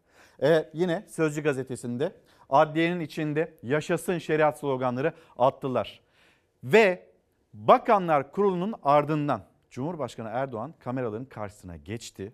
Burada yaşanan tepkiyi belli ki gördü, hükümet de gördü, Cumhurbaşkanı Erdoğan da gördü. Neler söyledi? Çok önemli. Bir bunu dinleyin. Bir de sizi 29 Ekim 2023 Cumhuriyetimizin 100. yılına götüreceğim bir öğretmenimiz vardı. Ne söylemişti? Birlikte dinleyeceğiz onu. Türkiye'nin rejimiyle ilgili tereddütler 29 Ekim 1923'te yaşasın Cumhuriyet nidaları eşliğinde bitmiş bir tartışmadır. Anayasamızın ilk maddesindeki Türkiye devleti bir cumhuriyettir ifadesi bu iradenin sembolüdür. Bu konunun siyasi polemik meselesi haline getirilmesi doğru olmadığı gibi anayasal bakımdan zaten mümkün de değildir. Tekraren söylüyorum. Ülkemizde kimsenin cumhuriyetle ilgili bir tereddüdü yoktur. Ülkemizde kimsenin cumhuriyetimizin banisiyle bir derdi yoktur. Ülkemizde kimsenin devletin bütünlüğüyle, milletin birliğiyle, ülkenin esenliğiyle sıkıntısı yoktur. Her kim bu kavramlar üzerinden kendine alan açmaya çalışıyorsa bir büyük yanlışın içindedir. Her kim bu tartışmaları farklı niyetlerin koç başı gibi kullanmaya kalkıyorsa bir büyük yanlışın içindedir. Her kim bu tartışmaları siyasi rant kapısı haline getirmeye uğraşıyorsa bir büyük yanlışın tam merkezindedir. Bu siyasi rant kapısı olmasın diyor Cumhurbaşkanı. Aynı zamanda kimse de bir koçbaşı gibi bunu görmesin, o alanlara nüfuz etmeye çalışmasın diyor. Da bir 15 Temmuz'da olanı biteni gördük. Bu ülkenin ne yaşadığına tanıklık ettik. İki, Ankara'da hangi bakanlıkta hangi tarikat daha üstün bunlar yaşanıyor. Yani Cumhurbaşkanı Erdoğan vermiş olduğu mesajlar çok doğru ama vakıf adı altında tarikatların bakanlıklara nasıl yerleştiği, sonra o tarikatların kartlarıyla bakanlıklarda nasıl kendine yer bulabildiği, makam bulabildiğini de görüyoruz. Türkiye Cumhuriyeti'nin 100. yılı böyle bir vurgu yapıyor. Kimsenin Cumhuriyet'te bir derdi sorunu yoktur mesajları yükseltiyor Cumhurbaşkanı. Ama derdi olanlar var ve herkes bunu biliyor. İşte o sloganlar adliye koridorlarında yükselen sloganlar buna karşı bir önlem için kurulan cümleler var. Ama diğer tarafta da o cümlelere yine temkinli yaklaşan kalabalıklar var. Neden? Bakın Cumhuriyet Gazetesi'nde de yer alıyor. Ben şimdi o haberi de ekranlarınıza getireceğim. Ee, 29 Ekim 2023 tarihinde Cumhuriyetimizin 100. yılında bir öğretmen vardı ve bize o öğretmen siyaset yapılıyor, siyaset yaptı denilerek gözaltına alındı, bırakıldı o öğretmen. Demişti ki o gün siz farkında mısınız olanın bitenin? Cumhuriyete, değerlerine, onlara sahip çıkarken hatırlatmaları vardı. O öğretmen ne oldu biliyor musunuz? O öğretmen önce Antalya Emniyeti devreye girdi. Şimdi de o öğretmen hiç zorlanma Şehnaz abla ben buradan sana şöyle göstereyim. Bakın o öğretmen ne oldu? O öğretmen kovuldu. 29 Ekim'de yaptığı konuşmada Cumhuriyeti savunan öğretmenin Milli Eğitim Bakanlığı tarafından görevden alındığı ortaya çıktı. Bülent Ecevit'in haberi ve gelsin ekranlarınıza. Cumhuriyetin bütün nimetlerinden faydalanıp onu yok etmeye çalışıyorlar. Bir anda 100 yıl önce anayasaya cumhuriyet yazdırmak için ömrünü feda edenler, bir anda bugün onu yok etmeye çalışan, Türkiye 100 yılı masalına herkesi inandırmaya çalışanlar. Bildin mi 100 yıl önce kurulmuş cumhuriyetinin değerini? Türkiye yüzyılını hedef aldığı, bir eğitim kurumunda siyaset yapıldığı ve benzeri şekilde yer alan görüşler üzerine şüpheli EK isimli şahıs 30-10-2023 günü yakalanmış. Cumhuriyete olan şükranlarını atasına, silah arkadaşlarına minnetini bu sözlerle anlatmış, sonra da gözaltına alınmıştı. Antalya Milli Eğitim Müdürlüğü öğretmen EK'nın işten atılmasını, maaşının kesilmesini istedi. Koskoca ülkem, Araplar için darphane, Bulgarlar için AVM, Suriyeliler için doğumhane, bizim için tımarhaneye dönüştürülmeye çalışılırken sen neredesin? 29 Ekim törenlerinde Cumhuriyet'in 100. yılında Antalya'da özel bir okulun kürsüsünden yükseldi bu sözler. Cumhuriyetin göz bebeği bütün fabrikaları bir bir yabancılara satılırken, Türkiye Cumhuriyeti vatandaşlığı parası olan herkese çerez gibi dağıtılırken, yabancılar ülkende imtiyazlarla sefa sürerken, parası olan her şeye hüküm verirken, memurun, doktorun, işçin, öğretmenin kendi ülkesinde ikinci sınıf vatandaş muamelesi görürken sen neredesin? Bir öğretmen Türkiye Cumhuriyeti'nin ne zorluklarla kurulduğunu anlatırken ve bir asır sonra geldiği noktayı eleştirirken sen neredesin diye sormuştu. Tabelalardan Türkiye Cumhuriyeti ibaresi sökülürken, milli marşı okunurken ayağa kalkmaya tenezzül etmeyen bir güruh, gencecik kadın sporcularını yaftalayıp millilikten söz ederken sen neredesin? Cümleleri, itirazları sosyal medyada dalga dalga yayıldı emniyet. Türkiye yüzyılı hedef alındı, siyaset yapıldı diyerek devreye girdi. Oysa Türkiye yüzyılı AK Parti'nin sloganı. O gün ifadesi alındıktan sonra serbest bırakılan öğretmen hakkında Milli Eğitim Bakanlığı da idari soruşturma başlatmıştı. 12 Ocak'ta İl Milli Eğitim Müdürlüğü'nün söz konusu özel okula EK'nın iş akdinin sona erdirilmesi ve maaşının kesilmesi yönünde yazı yazdığı öğrenildi. Şimdi bir mola. Döndüğümüzde yine memleket haberleri. Yine sizin söyleyeceğiniz sözler olacak Çalar Saat'te. Ve daraldık biraz nefese ihtiyacımız var dediğiniz anda da bir misafirimiz var. Kendisiyle konuşacağız. Molanın ardından buluşalım. Günaydın. Devam ediyoruz Çalar Saat'te. Ceren Hanım selamlar. Sözler kifayetsiz kalıyor. 2024 senesi Cumhurbaşkanı Erdoğan tarafından emekliler yılı olarak ilan edildi. Böyle bir yılı, böyle bir senesi var. Bir senesi var emeklinin 2025 yılına nasıl ulaşacak? 2026 yılında enflasyon tek hanelerde olacak deniliyor. Zaten çok uzun süredir enflasyon düşüyor. Siyasetçinin sözünde dilinde ama gerçekte öyle değil. %5'lik ek zam yeter mi yetmez mi? 2024 yılı emeklerimizin yılı nasıl olacak? Belki bununla ilgili fikirleriniz vardır. Bizlere ulaştırırsınız. Biz çok heyecanlıyız bu yılı yaşamak için diyen izleyicilerimizden Ceren Hanım. Şimdi İzmir'e gideceğiz. Yolsuzluk, rüşvet, kara para ve yok böyle bir para. Yolsuzluk, rüşvet, kara para aklama şüpheler üzerine takibe alınan gümrük memurlarının adreslerinde tam 1 milyar 142 milyon 510 bin dolar, 18 milyon euro ve 6 milyon 950 bin Danimarka kronu ele geçirildi. Dördü gümrük memuru 6 kişi tutuklandı.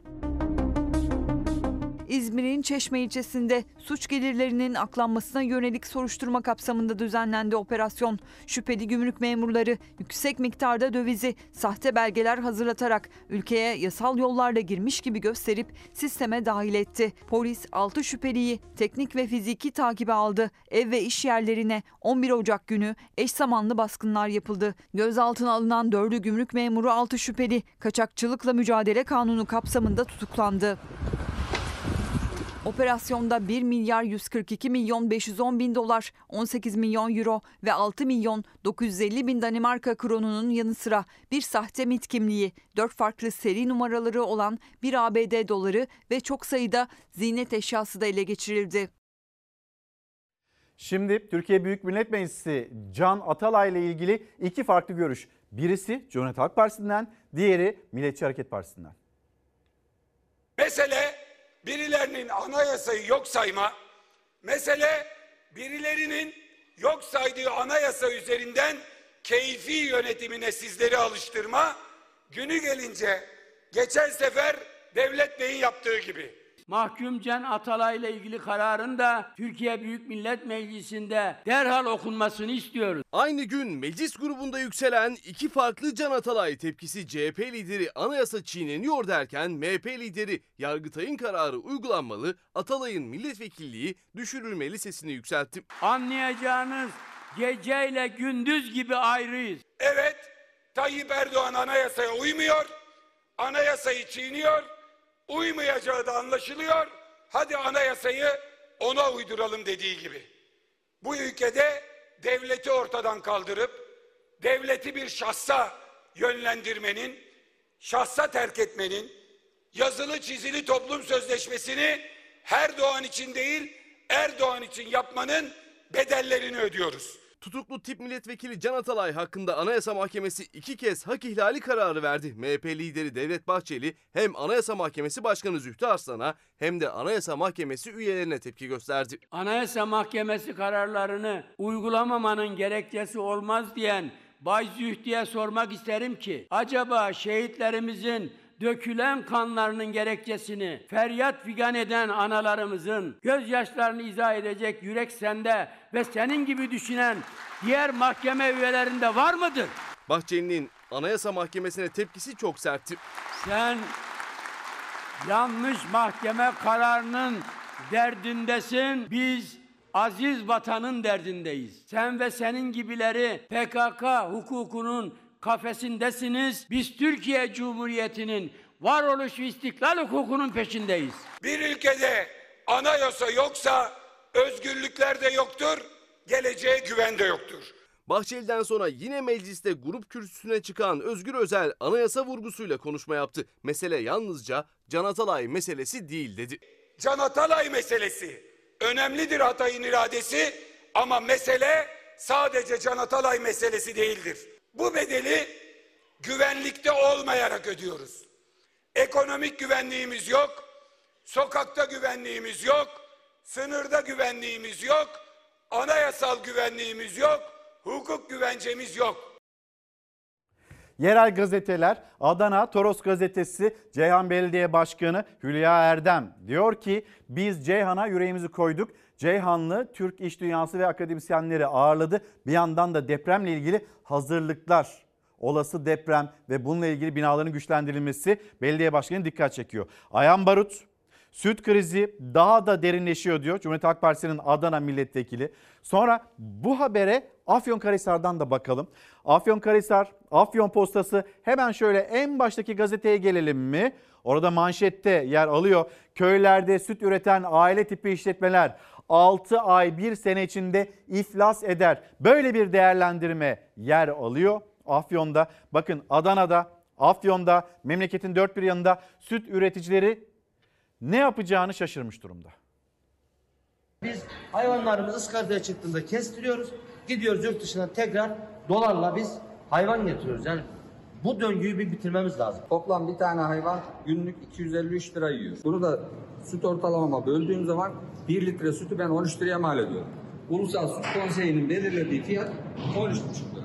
1 litre süt satıp 1,5 kilo yem alması gerekirken 1 litre sütü 1 kilo yem etmez oldu. Süt üreticisi ses yükseltti. Çünkü çiğ süt fiyatı 11,5 liradan 13,5 liraya çıkarılsa da maliyetlerini karşılamaya yetmedi. Sütçüler isyanda. Dünyada uygulanan bir süt yem paritesi var. Ben 1 litre süt sattığım zaman 1,5 kilo yem alabilmeliyim. Yem son bir ayda 3 kere zam geldi. Şimdi tekrar zam geleceği söyleniyor. Maliyetlerle bu işin içinden gerçekten çıkılmaz. Yatırım maliyetleri var. Çok ciddi paralarla kuruluyor. Ayrıca yemin ham maddesi yurt dışından geliyor. Niğdeli süt üreticileri CHP Genel Başkan Yardımcısı Erhan Adem'e maliyet artışlarını kalem kalem sıraladı. Çünkü emeklerinin karşılığını alamıyorlar. Elektriğe devamlı zam geliyor. Mazot olmuş 40 lira. Bu şekliyle olmaz.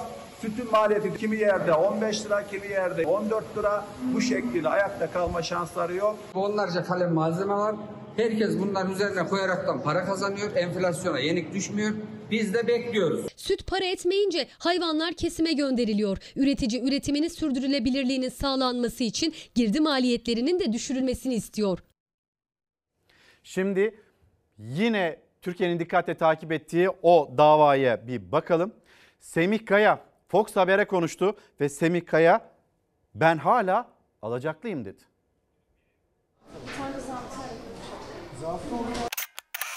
Bankanın genel müdür yardımcısının kendi e-mail adresinin olduğu aralarında geçen konuşmayı paylaşıp rahat olabilirsin, bekleyebilirsin, seni kuşkuya sokabilecek hiçbir şey yok anlamında gönderdiğini ben düşünüyorum. Ve ben de bu gönderdiği belgeye itibar ettim. Seçil Selam detay anlattığın üzere açık uçlu fonumuzda nominalin yani 10 milyon doların yasal süreyi beklemeden maksimum bir ay içinde peyderpey çıkışının yapılıp muhasebeleşmesi uygundur. Saygılarımla Mehmet Aydoğdu. İşte bu belge fon dolandırıcılığı davasına damgasını vurdu. Seçil Erzan eski futbolcu Semih Kaya'ya bankanın genel müdür yardımcısından geldiğini iddia ettiği bir e-postayı göndermişti. Semih Kaya mahkemeye sunduğu o belgeyi Fox Haber'e anlattı. Ne oldu da bir banka müdürü iç yazışmayı bir müşteriye gönderdi? Bu belgeyi bana Şubat ayında göndermişler. O zamanlarda bana belirttiği tarihlerde e, ödemelerin gelmemeye başladığını artık ben anlamıştım. Fonumun devam ettiğine ve paramın orada nemalandığını gösteren bir belgeydi bu.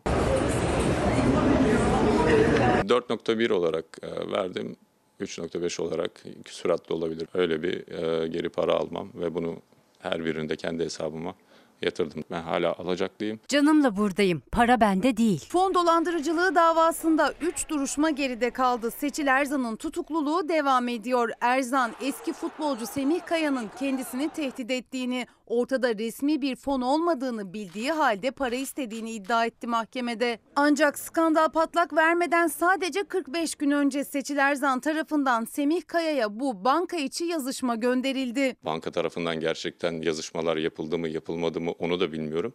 Ama kendisi şube müdürü olarak bana bunu gönderdiği için e, ben herhangi bir art niyet görmedim burada. Resmi belge olarak bunu kabul ettim. Dava dosyasına giren bu iç yazışmanın gerçek olup olmadığı araştırılacak. E-postayı gönderdiği iddia edilen banka genel müdür yardımcısı Mehmet Aydoğdu ise özel belgede sahtecilik suçlamasıyla Seçil Erzan ve Semih Kaya'dan şikayetçi oldu. Seçil Erzan Semih Kaya'yı tefecilikle de suçlamıştı. Eski futbolcu o iddialara da yanıt verdi. Birisi insanları dolandırmış. Tefecilikle ben suçlanıyorum. Dolandırıcılıkla ben suçlanıyorum. Belgelere bakıyoruz. Herhangi bir tefecilik yapmamışım. Fon sözleşmem olmuş. Diğer başka belgelerim var elimde. Hala gelinmiş bana tefecilikle suçlama yapılıyor. Fon dolandırıcılığı davası 8 Mart ertelendi. Tanık sıfatıyla ifade veren Semih Kaya 8 ay önce yaptığı şikayetinin dikkate alınmasını, dosyaya mağdur olarak katılmayı bekliyor. Çünkü hala alacağının olduğunu savunuyor. Seçil Erzan'ın da Cuma günkü duruşmada Semih beni tehdit etmedi tarzında açıklamalarından sonra kendi ağzından beni e, bu konularda aklamış oldu. Mayıs ayında ifademi vermişim suç duyurusunda bulunmuşum. Şikayetçilerin arasında yokum. Dava dosyasında yokum. Neden yokum yani? Az sonra Türkiye'nin bir dalda, Türkiye'nin ilk ve tek e, özel bir antrenörünü, hocasını tanıştıracağız sizinle. Öncesinde televizyonun Oscar'ları sahiplerini buldu. Emmy goes to Io. Get your ass up here. Televizyon dünyasının Oscar'ları Emmy ödülleri sahiplerini buldu. Düzenlenen törenle geceye Succession ve The Bear damga vurdu. Vargas rolls, please, chef. Televizyon Sanatları ve Bilimleri Akademisi tarafından düzenlenen Emmy ödülleri 75. yaşını kutladı. Kırmızı Halı adeta moda sahnesine dönüştü. Geçtiğimiz günlerde düzenlenen Altın Küre ödül töreni Emmy ödüllerinin tahminini kolaylaştırdı. Altın Küre'de olduğu gibi Emmy ödüllerinde de Succession ve The Bear damga vurdu. En iyi drama dizisiyle beraber Succession 4 Emmy ödülü kucakladı. Drama dalında dizinin başrollerinde yer alan Sarah Snook en iyi aktris, Kieran Culkin en iyi aktör ödülünün sahibi oldu. Um, it's very easy to act when you're pregnant because you've got hormones raging. And uh, En iyi komedi dizisi ödülüne The Bear layık görüldü. Dizinin başrolünde yer alan Jeremy Allen White komedi dalında en iyi aktör seçildi. Thank you to all those who've stayed close to me, uh, especially in this past year. You know who you are. Su gibi bir yayın olacak şimdi. Türkiye'nin ilk ve tek lisanslı suda koşu eğitmeni Çalar Saat'te Benhur Öncel. Günaydın. Günaydın Hoş İlker Bey. geldiniz. Merhaba. Nasılsınız? Teşekkür ederim. Siz nasılsınız? Sağ olun, teşekkürler hocam. Şimdi biz bugün böyle başarılarımız, hani memlekette pek çok olay yaşanıyor ama başarılarımızdan da söz ediyoruz. Ee, Hı hı. bu alanda, bu dalda Türkiye'nin lisanslı böyle suda koşu hocası olmak, hani bu nedir mesela aqua running diye mi anlatılıyor? Bir bu nedir? Hı hı. Nereden çıktı? Ve hani bunun faydaları nedir? Sizden öğrenmek istiyoruz. Tabii ki. Ee, Ben Hür Öncel, Bodrum e, doğumluyum. Ee, Atletizm 3. kademe antrenörüyüm, wellness antrenörüyüm, medikal egzersiz uzmanıyım.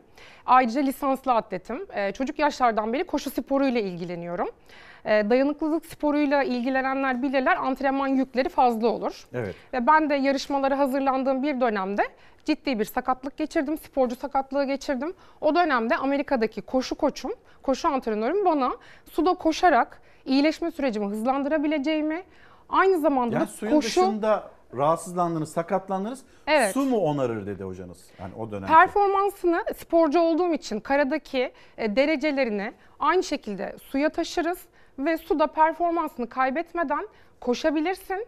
Aynı zamanda da sakatlığına iyi gelen bir antrenman çünkü kan dolaşımı hızlanıyor, eklemlere yük binmiyor, kemik sağlığını koruyorsun. Aynı şekilde karada nasıl e, koşuyorsan, hangi eforla koşuyorsan suda koşabilirsin şeklinde beni yönlendirdi. Ben de e, o zaman kaval kemiğimde bir stres kırığı vardı. Suya girdim. Ee, Her gün antrenmanımı suda koşarak yaptım. Ve sonrasında iyileşme sürecim çok hızlı bir şekilde e, tamamlandı. Ve karaya tekrar geri döndüğümde, mücadeleme geri döndüğümde hem yarışmada başarımı gösterdim hem de süre olarak hiçbir kaybım olmadı. Performansımdan, kondisyonumdan hiçbir şey kaybetmedim. Suda bu hareketleri yapmak zor. Evet E, zor. aynı zamanda bayağı da bir kalori yakılır herhalde. E, bayağı bir kalori harcıyoruz. Ortalama e, 600-800 kalori gibi bir e, harcıyoruz. Çünkü suyun direnci gerçekten e, duvar etkisi yapıyor ve ileriye doğru e, hareket etmek, e, koşmak çok zor. E, benim yapmış olduğum antrenman derin su antrenmanı. Ayaklar kesinlikle yere değmiyor. E, ve bu dönemde de e, ben bu spora inanılmaz derecede e, sevdim, aşık oldum. Sonra ülkemize döndüm, yapılan çalışmaları e, inceledim. Herhangi bir şekilde hani çalışmalar kısıtlıydı. E, bununla ilgili çalışmalar yoktu. Uluslararası düzeyde e, çalışmaları takip ettim ve Terry Nelson'la tanıştım. E, Terry'i anlatmak istiyorum e, çünkü Hocam e, yine aynı şekilde hem amputasyon operasyonu geçirmiş e, ve spor kariyeri hem Liverpool futbol takımında oynamış Amerikan futbolcusu, atlet e, ve böyle olduğu için spor kariyeri e, de bir sakatlık geçirerek böbrek yetmezliği nedeniyle e, ara vermek zorunda kalıyor. Ee, ve sonrasında bu hareket etmem gerekiyor, sağlığımı kazanmam gerekiyor diyor. Ve bu sporu keşfediyor. Atlet de olduğu için hani aslında bizim doğal halimiz koşmak, yürümek zaten bildiğimiz bir şey. Ve suya giriyor, kendini iyileştirmek için e, suda koşuyor. Ve sonrasında suda koşu kıyafetini tasarlıyor. Orada çok dünyaca ünlü bildiğimiz Barcelona takımı, Manchester United, Liverpool futbol takımı, hatta Andy Murray dünyaca ünlü tenis şampiyonu belgeselinde de sinema belgeselinde de kendisine e, yer verdi, kendisinden bahsetti. E, ve böylelikle oradaki sporculara suda koşu e, sporunu yaptırarak sakatlık dönemlerinde onlara aslında bu sporda bir performans kaybetmemeleri için e, onlara bu sporu öğretmiş birisi. Bu bir keşif gibi aslında. Bir keşif yani insanın gibi. kendisini yenilemesi için, Evet. güçlenmesi için, işte hı. sakatlığını onarması için. Mesela biz bu sporu nasıl yaparız? Neden yapmalıyız? Ona ne dersiniz? E, Ter'in aslında tanıştığımda e, eğitim uzun dönem İngiltere'de eğitimler aldım. Ter'i Türkiye'ye geldi, ben İngiltere'ye gittim. E, Ter'in özel durumundan dolayı e, hem şeker hastalığı nedeniyle e, sağlığını kaybetmesi, e, amputasyon operasyonu ile bir bacağını kaybetmesi nedeniyle böyle bir engeli olmuş. Ve bana dedi ki, e, vasiyet etti kendisini hani 2020 yılında kaybettik. E, Terry Nelson'ın şu anda dünyada e, vizyonuyla birlikte öğretilerini uygulayan tek e, uzman hoca benim, master hoca benim.